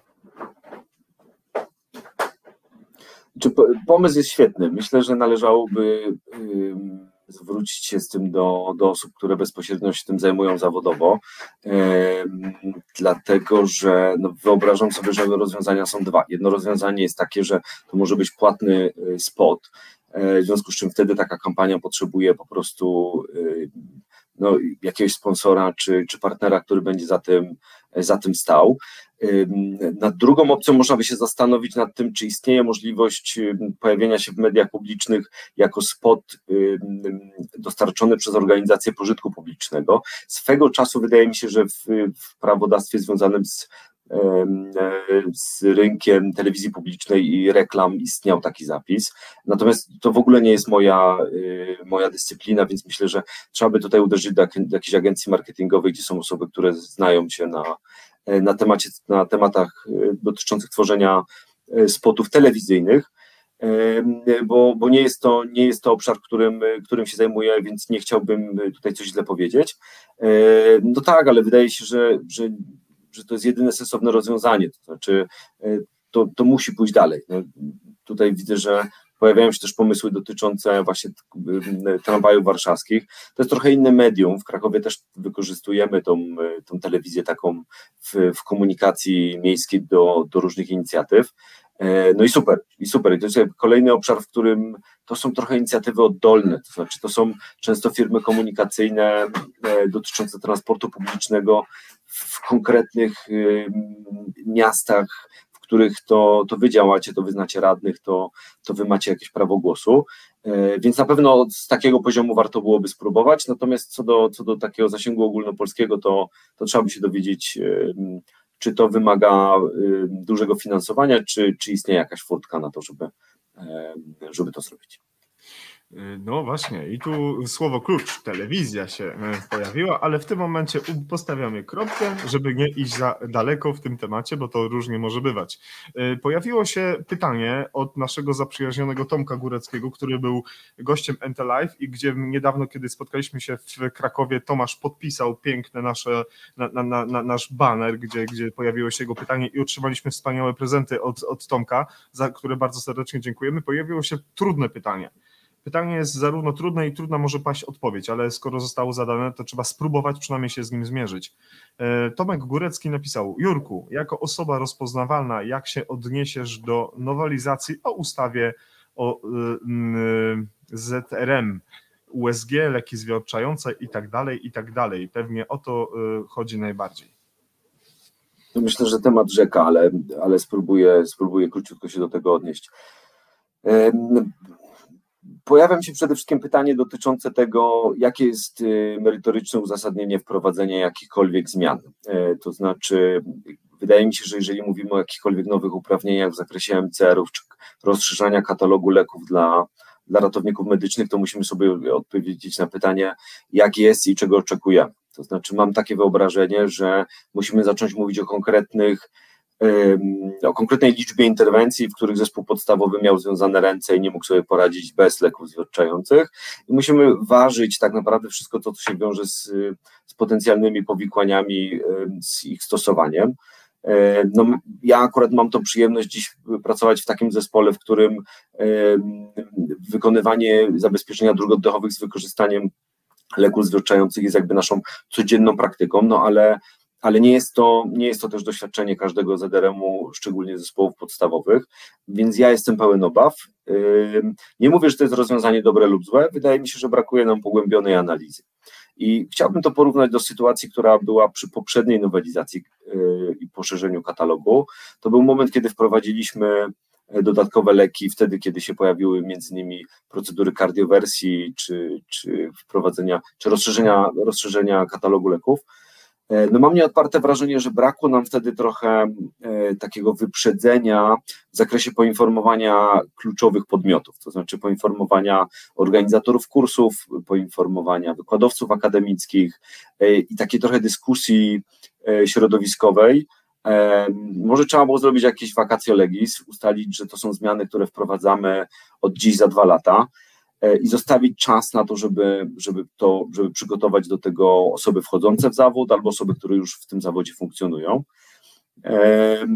Więc y, no nie umiem na to pytanie odpowiedzieć tak lub nie, dlatego że to zależy od tego, jaki w ogóle kształt ratownictwa sobie wyobrażamy. To znaczy, czy chcemy stopniować uprawnienia, czy, czy w jaki sposób chcemy, jak, w jakim zakresie chcemy wykorzystywać lekarzy ratunkowych w opiece przedszpitalnej, a na ile chcemy być samodzielni. To jest jakby ogromna ogromny punkt do dyskusji, e, więc czy leki zwierczające tak, czy nie, no, odpowiedź jest, to zależy. Natomiast na pewno wydaje mi się, że jeżeli byśmy podejmowali decyzję o tym, że, po, że są przesłanki ku temu, żeby je wprowadzać, e, no to bardzo bym chciał, żeby ten etap e, implementacji związany z tym edukacji no był na tyle widoczny, żebyśmy wszyscy mieli poczucie, że nie, nie, nie musimy się tylko zastanawiać, ilu pacjentom dodanie czy rozszerzenie katalogu leków uratuje życie, ale że nie będziemy się też musieli zastanawiać, ilu pacjentom potencjalnie zas, zas, zaszkodziło dodanie leków, co do którego zespół nie miał wiedzy czy doświadczenia, bo, bo takie same wątpliwości pojawiały się przy poprzedniej nowelizacji, kiedy no, z dnia na dzień w zasadzie na pokładzie pojawiły się leki, które, które do tej pory e, no, gdzieś w procesie edukacyjnym były pomijane. Także nie mówię tak, nie mówię nie, ale wydaje mi się, że bardzo ważne jest to, w jaki sposób będziemy, będziemy to analizować i wprowadzać. E, odpowiedź też dla pana doktora Lewandowskiego, która padła od Krzysztofa Wiśniewskiego, bardziej może komentarz, jest taki, że w temacie promocji pierwszej pomocy to media są bardzo chętne, żeby o tym mówić. Przynajmniej tak dzieje się w Bydgoszczy. Media tu chętnie tutaj współpracują z, z WSPR-em w Bydgoszczy. E, Krzysztof na konferencji przedstawiał, jak wygląda współpraca z mediami i bazując na tych faktach, które podawał nam w trakcie swojego wystąpienia, ja mogę tylko potwierdzić, panie doktorze, że tak jest, więc y, korzystajmy z doświadczeń, może panowie wymienicie się kontaktami y, i będzie to bardzo fajna okazja ku temu, żeby, no, żeby się czegoś tam ciekawego dowiedzieć, jak można ten temat przeskoczyć. A ja mam kolejne pytanie od pana Mariusza. To jeszcze y, tylko to... króciutko, to tak, jeszcze tak. króciutko zupełnie mhm. co do wypowiedzi Krzyśka, że w ogóle to, co się dzieje w Bydgoszczy, temu się warto przyglądać, bo tam jest wow. ogrom świetnych tematów i E, i nie ukrywam, że, że często z Krzyśkiem wymieniamy różne e, doświadczenia. E, no i, i, i tam naprawdę, naprawdę jest ogrom fajnej, fajnej roboty, między innymi w zakresie edukacji społeczeństwa, jeżeli chodzi o pierwszą pomoc. Także ja z przyjemnością słucham te kolejne odcinki, jak Wiśnia występuje w, w lokalnym radiu czy, czy telewizji, bo ten przekaz dociera. I, I fajnie, że jest zarówno do tego zapał i, i też przetarte szlaki. Mhm. E, więc jeżeli ktoś pyta, zadaje pytanie, jak to robić z mediami lokalnymi, to tak, to, to śmiało mogę powiedzieć, to popatrzcie, jak robi to WSP e, w Bydgoszczy i, idźcie, tymi, e, idźcie tymi śladami, bo, bo to jest kawał dobrej, dobrej roboty i o tym też trzeba mówić. Niedługo sezon na wiśnie, tak więc korzystajcie. Krzysztof Wiśnia-Wiśniewski pomoże. Ja za chwilkę wkleję link, gdzie Krzysztof był gościem w Zakopanem, w naszym studiu, y, studiu mobilnym y, w NT Live, gdzie mieliśmy okazję porozmawiać na ten temat, o czym właśnie było y, mówione przez Krzysztofa. Tak więc za chwilkę pojawi się ten link, komentarzach będziecie mieli Państwo okazję posłuchać, co Wiśnia takiego nam ciekawego opowiedział. Pojawiły się pytania od pana Mariusza Stefana Andrzejczaka, które brzmi: Jerzy Jaskuła, jak dojechać na pulmonologię w NSSU? Opisz proszę ze szczegółami. Uśmiech. To chyba, to chyba jest pytanie dotyczące mojego jutrzejszego dyżuru. Jeśli chodzi o, jeśli chodzi o pomysły, pomysły na pytanie. No dobra, no nie będziemy Państwu opowiadać o tym, jak poszukiwać w, w, tym, w naszym szpitalu, w naszym szpitalu poszczególnych oddziałów, aczkolwiek cieszę się, że cieszę się, że kolega wrzucił ten, to zagadnienie, bo ono tak naprawdę mówi trochę o, o, o czasach dotarcia faktycznie jest tak, żeby zaspokoić potrzebę, y, potrzebę tutaj odpowiedzenia na to pytanie, no to u nas pulmonologia jest w, budynku I, czyli jakim najbardziej oddalonym od, e, od miejsca, w którym stacjonujemy, e, a mamy no relatywnie duży szpital, nie? tam naprawdę tych oddziałów jest jest bardzo, bardzo, bardzo, bardzo dużo jak dobrze pamiętam, to chyba 35 oddziałów y, w ogóle w całej strukturze szpitala uniwersyteckiego, więc jest to ogromne, ogromne wyzwanie, więc czasami nawet jak się jest zespołem wewnątrzszpitalnym, to to, to to dotarcie nie jest takie oczywiste, a ja przyznam się, że niejednokrotnie jest tak, że y, korzystam z takiej mapki, którą mamy w zespole przygotowanym, nosimy ją nawet w plecaku reanimacyjnym, jest ściągawka, jest, jest, jest ściągawka, więc w razie czego, w razie czego jak potrzebujemy znaleźć jakiś taki super rzadki czy rzadko odwiedzany y, oddział i się upewnić, jakie to jest y, y, piętro, to, to, to korzystamy z tego. Ale to będę testował jutro. Ja z wielką radością wspominam te takie mm, podróże po zakamarkach szpitala wojewódzkiego na Dekerta, gdzie trzeba było pobiec na skróty na patomorfologię, coś tam podrzucić, coś tam przechwycić.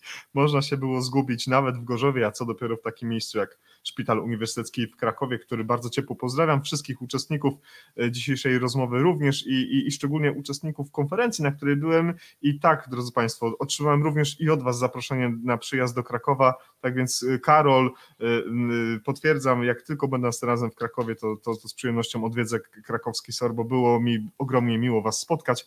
A pan August Borowski zadał też jeszcze pytanie. Mam pytanie co do ściągi RKO, zakładka RKO, adrenalina 2 mg w 20 ml. Czy mm, tutaj wdał, wdarł się błąd, czy jest to y, naszykowanie po prostu dwóch dawek? Padło takie pytanie. Tak, bardzo fajnie, że ono się pojawiło, bo, bo jest kilka takich drobnych rzeczy, na które trzeba zwrócić uwagę. Tak, to jest założenie dotyczące tego, w jaki sposób sobie lek przygotowywać. To znaczy, koncepcja jest taka, żeby ujednolicić sposób naciągania leku. Wiemy o tym, że chcemy, żeby ta adrenalina była dziesięciokrotnie rozcieńczona do podania, więc przygotowanie 2 mg w strzykawce 20 pozwala nam e, od razu przygotować dwie dawki. A ponieważ są tutaj jakby różne szkoły, jak sobie to rozcieńczać, e, to to jest taka próba zunifikowania tego, żeby, żeby to rozcieńczenie było, było takie samo, no i dzięki temu mamy wtedy podwójną dawkę, czyli jesteśmy zabezpieczeni na, na jakieś 8 minut resuscytacji, mając jedną taką strzykawkę. Także, także dzięki za zwrócenie uwagi, ale nie jest to błąd, tylko, tylko jest to celowe przygotowanie dwóch dawek w jednej strzykawce. Mhm, świetnie. Tak y, tutaj y, y, Naja Naja podjął trudny temat współpracy bydgosko-toruńskiej. Kontrowersyjne pytanie zostało zadane, a, a Toruń coś robi? Mam nadzieję, że coś robi, bo wydaje mi się, że w ostatnim czasie duży jest boom na różnego rodzaju inicjatywy. Jeżeli ktoś jest z Torunia, to proszę potwierdzić, dlaczego Bydgoszcz i Toruń. I o to pytanie, to pytanie też zadawałem Krzysztofowi, ale mówi, że to stare dzieje. Teraz już Bydgoszcz z Toruniem się Naprawdę tutaj nikt się z sobą nie kłóci, tak myślę. nie wiem, Jerzy, jakie ty masz y, y, doświadczenia z Toruniem, ale, ale to bardzo fajne miasto nie mam. Jest. Aktual, a takich zawodowych aktualnie nie mam. Piękna starówka, ale, y, ale nie, nie wiem, co tam, to, co tam się aktualnie dzieje, także nie umiem, nie umiem się odnieść. Dobra, Jacku, czy, czy mamy jeszcze jakieś czy mamy jeszcze jakieś pytania? Przeglądam sobie, drodzy Państwo, Wasze komentarze. One z pewnością po części padły w rozmowie między też Wami, bo na, na, wywiązał się pewien dialog, za co jestem e, Państwu ogromnie wdzięczny. Mm, te komentarze, drogi Jerzy, przejrzyj później, odpowiedz na nie, odnieś się do nich. Y, Jasne. Będzie na pewno miło widzom i słuchaczom. Y, I, i, I może, żeby nie przyciągać, żeby Państwa też już y, pozostawić takim dobrym nastroju niedosytu rozmowę z Jerzym Jaskułą, to może tu postawimy taką bardzo dobrą kropkę, która przed tym sezonem ogórkowym niech rośnie, wytwarza taką chęć zgłębiania wiedzy i wrócimy do naszych wspólnych tematów i działań e, już jesienią, albo przynajmniej latem, kiedy, kiedy już wrócimy do naszych z takich obowiązków, nie, nie namaszczonych urlopami i grafikami, gdzie jest mnóstwo dziur. No dobrze, super, super. No to Jacku, to przede wszystkim bardzo serdecznie Ci dziękuję za zaproszenie. E, państwu dziękuję bardzo za, za uwagę. Mam nadzieję, że udało się wyczerpać różne, e, różne tematy. No w każdym razie ja ze swojej strony zachęcam, jeżeli któryś z, któryś z tematów, który poruszyliśmy, wydał się, wydał się w jakiś sposób ciekawy, to, e, to zachęcam do tego, żeby działać gdzieś tam w swoich społecznościach lokalnych. A mhm. gdybym mógł udzielić jakieś odpowiedzi, to, to proszę oczywiście uderzać. Już oddaję głos do studia. Wiesz co, bo ja zapomniałem o tym pytaniu, bo to jest przecież bardzo ważne pytanie. No właśnie. No i już byś się chciał wymiksować, bo podsumowanie to za chwilkę. Ja wiem, że ty już do tego podsumowania dążysz, e, e, ale y, co tam przygotowałeś? E, dobre pytanie, bo wczoraj o tym rozmawialiśmy i zastanawiałem się, co przygotować. No nie chciałem tutaj jakby pokazywać jakichś ewidentnych klasyków. Popatrzyłem po, po, po regale i wpadły mi dwie książki, które w jakiś sposób są związane z branżą, ale, ale tak szeroko związane z branżą. W sensie nie konkretnie z, z samym ratownictwem, ale, ale z tematami gdzieś tam też trochę, trochę wyjazdowymi. I przyszły mi na myśl dwie pozycje, które ostatnio, e, które ostatnio czytałem. No bo książkę do ALS-u czy do ITLS-u mógłbym oczywiście Wam pokazać, ale myślę, że to nie, to nie o to chodzi. Jedną książkę, którą mi się bardzo przyjemnie czytało, to, to była ta książka. To taki, to taki miły, miła, miła pozycja, którą się, którą się bardzo szybciutko, bardzo szybciutko czyta. Książka Davida Nota, który zresztą prowadzi, prowadzi e, fundację i cały taki pakiet szkoleniowy w, w UK. A druga książka, która mi przyszła na myśl, no nie wiem, czy, czy Jacek nie będzie miał pretensji, bo nie jest taka branżowa, aczkolwiek poleciła mi ją kiedyś koleżanka z Polskiej Misji Medycznej i wywarła na mnie e, duże wrażenie, dlatego że nie jest oczywista i nie podaje prostych rozwiązań czy prostych odpowiedzi. Więc jeżeli kogoś to interesuje, e, też od takiej trochę strony i trochę naukowo, naukowej, i trochę projektowej, jeżeli chodzi o różne interwencje e, w, w populacji, to chciałem polecić tą książkę Adama Leszczyńskiego, Eksperymenty na, na biednych, który, która zrobiła na mnie, na mnie bardzo fajne wrażenie i, i pobudziła do refleksji. A myślę, że jak szukamy dobrych, dobrych książek, to, to właśnie ta refleksja i coś nowego w naszych głowach jest bardzo, bardzo cenne. Także wykorzystując tą okazję do, do tego, żeby, żeby coś z regału polecić, to ja się ograniczę na, na chwilę obecną do takich dwóch pozycji. Tę drugą pozycję bardzo się cieszę, że ją pokazałeś. Nie miałem jeszcze jej przyjemności czytać, ale już zaciekawiłeś mnie tym tematem, który jest na pewno e, tytułem, który jest na pewno kontrowersyjny i pomimo, że bezpośrednio nie dotyka naszej branży, to z pewnością e, e, po nią sięgnę. Ogromnie Tobie dziękuję za tę propozycję, y, bo y, skoro rekomendujesz pewną publikację, to na pewno jest ona poparta jakimiś konkretnymi powodami. Kasia, pani Kasia Bułkowska napisała: Dziękuję panu Jerzemu za podzielenie się swoją wiedzą i doświadczeniem. Dla mnie, ratownika KPP i studentki pierwszego roku pielęgniarstwa w przyszłości będzie anestezjologia i pielęgniarstwo ratownicze. To bezcenne spotkanie, za co y, dziękuję. Również Naja Naja napisał miłe słowa Y, za który jestem bardzo wdzięczny. Piękny wieczór w dobrowym towarzystwie. Y, Wiśnia się też odezwał do nas, że, że, że fajnie, że miło, że, że, że, że się cieszy. Y, Wiśnia, pozdrów, pozdrów Ole. Ja obiecuję Państwu, że Jur, Jurka zmobilizuje do tego, żeby zajrzał do tych naszych komentarzy, do tych Państwa komentarzy, tak żebyście mógł do, do nich odnieść i napisać. A ja poproszę Jurka o takie podsumowanie, takie trzy minuty, cztery y, subiektywnego spojrzenia na dzisiejszą rozmowę, a może jakiś przekaz, może jakaś myśl, dajesz. Czas, czas, start. Dobry, to będzie tak. Ze, ze spokojem. Stylowo, Jacku. Lecisz. E, na myśl mi przychodzą chyba trzy obszary. E, pierwsza, pierwsza myśl, która mi się pojawia, to to, że bardzo dużo rzeczy jest tak naprawdę w naszych rękach. I e, my, my mamy taką mentalność, że lubimy czasami na niektóre rzeczy sobie ponarzekać. E, I prawdą jest, że ca, cały czas jest jeszcze dużo do zrobienia, ale my bardzo często mamy siły i środki do tego, żeby niektóre z tych rzeczy zrobić. E, więc wydaje mi się, że, że, że to jest jakby jedno, jedno z przesłania, żeby, żeby robić różne rzeczy lokalnie żeby w swoim miejscu pracy, żeby w swoim zespole, żeby, żeby w swojej dzielnicy, żeby w, w swoim otoczeniu e, zmieniać drobne rzeczy e, i szukać takich samych ludzi jak, jak my, którzy nam w tym będą mogli, e, mogli pomóc. No bo jesteśmy za to współodpowiedzialni. Jakby dobrze jest czuć, że, że możemy, że mamy jakiś impact i możemy coś, coś podziałać i nie próbować się cały czas zasłaniać tym, że to ktoś decyzyjny, czy, czy rząd, czy, czy jakakolwiek inna, inna struktura. E, jest wiele bardzo fajnych narzędzi do tego, żeby, e, e, żeby, wykonywać, żeby robić coś samemu, żeby podrzucać pomysły, inicjatywy, żeby realizować budżety obywatelskie. No tu naprawdę, naprawdę mamy cały koszyk potencjalnych zasobów. Ja je wykorzystuję, bardzo się z tego cieszę i do tego Was, do, do tego Państwa serdecznie namawiam.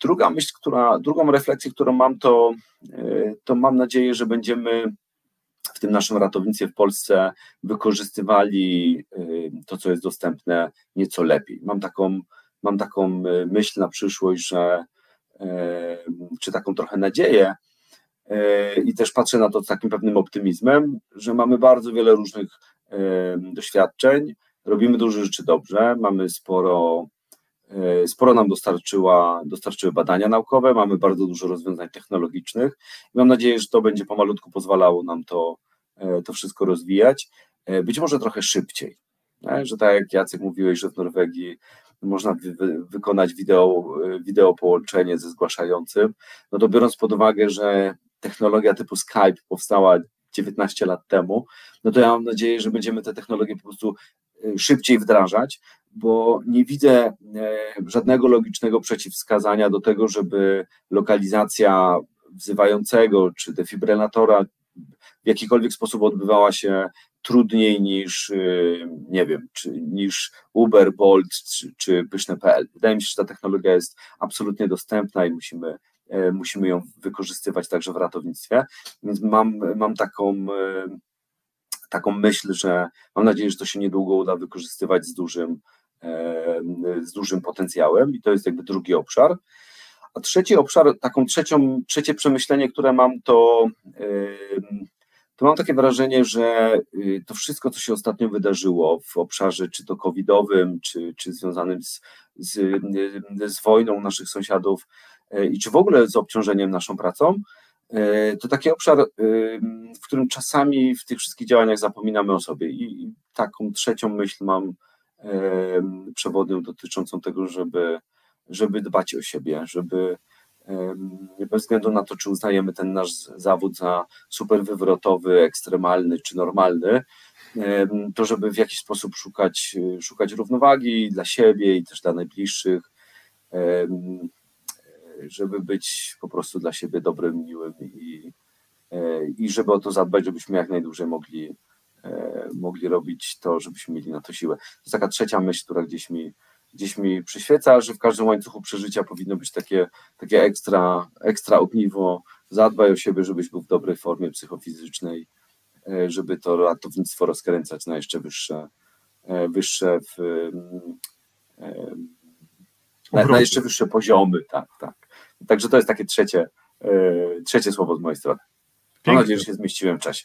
Tak, tak, absolutnie. Gdybyś chciał porozmawiać jeszcze, z, myślę, z 40 minut, to i widzów, i słuchaczy by nam nie zabrakło. Tak coachowo zabrzmiało, tak jak rasowo, po MBM-ie, e, nie, po NBA, nie po MBM-ie, po NBA zabrzmiało tak porządnie, rasowo, za co tobie bardzo, Jerzy, dziękuję. Przede wszystkim Na, za naj, Najważniejsze to szczerze. Absolutnie. Także mam nadzieję, że mam nadzieję, że, e, że celnie. Absolutnie tak. Jerzy, zarówno w tych tematach poważnych, gdzie nie było śmieszkowania, ale tych takich żart, żartobliwych, gdzie można było trochę się pośmiać, czego też nam brakuje na co dzień, żeby odreagować te, te, te nasze prace różne, czy na poziomie zaawansowanym, czy bardziej, czy mniej, nieważne co robimy. Jeżeli dotykamy pacjenta, jeżeli służymy swoją wiedzą, pomocą, doświadczeniem i postawą przede wszystkim, to nie ma większego znaczenia, kto na jakim poziomie jest. Ważne, żebyśmy robili to tak, jak najlepiej potrafimy. Za też ten Twój czas bardzo Tobie dziękuję. Liczę na spotkanie w Krakowie, liczę na spotkanie jesienią i to była wielka przyjemność gościć Jerzego Jaskułę w NT Live w 70. odcinku, prawie jak dynastia, drodzy Państwo, przed wakacjami, za co Tobie Jerzy raz jeszcze bardzo dziękuję. Serdecznie jeszcze raz dziękuję za zaproszenie i no i mam nadzieję, że do zobaczenia przy kolejnych realizacjach, a, a Państwa oczywiście zapraszam do kontaktu, jeżeli tylko E, jeżeli tylko coś e, będziecie e, potrzebowali. I obiecuję odnieść się do, do tych komentarzy z, z, zgodnie z zobowiązaniem. No właśnie, i za kilka dni, drodzy Państwo, jestem przekonany, że będziemy mogli zamieścić ten materiał, o którym powiedział Jurek, nie, nie przedłużając już dzisiejszego spotkania.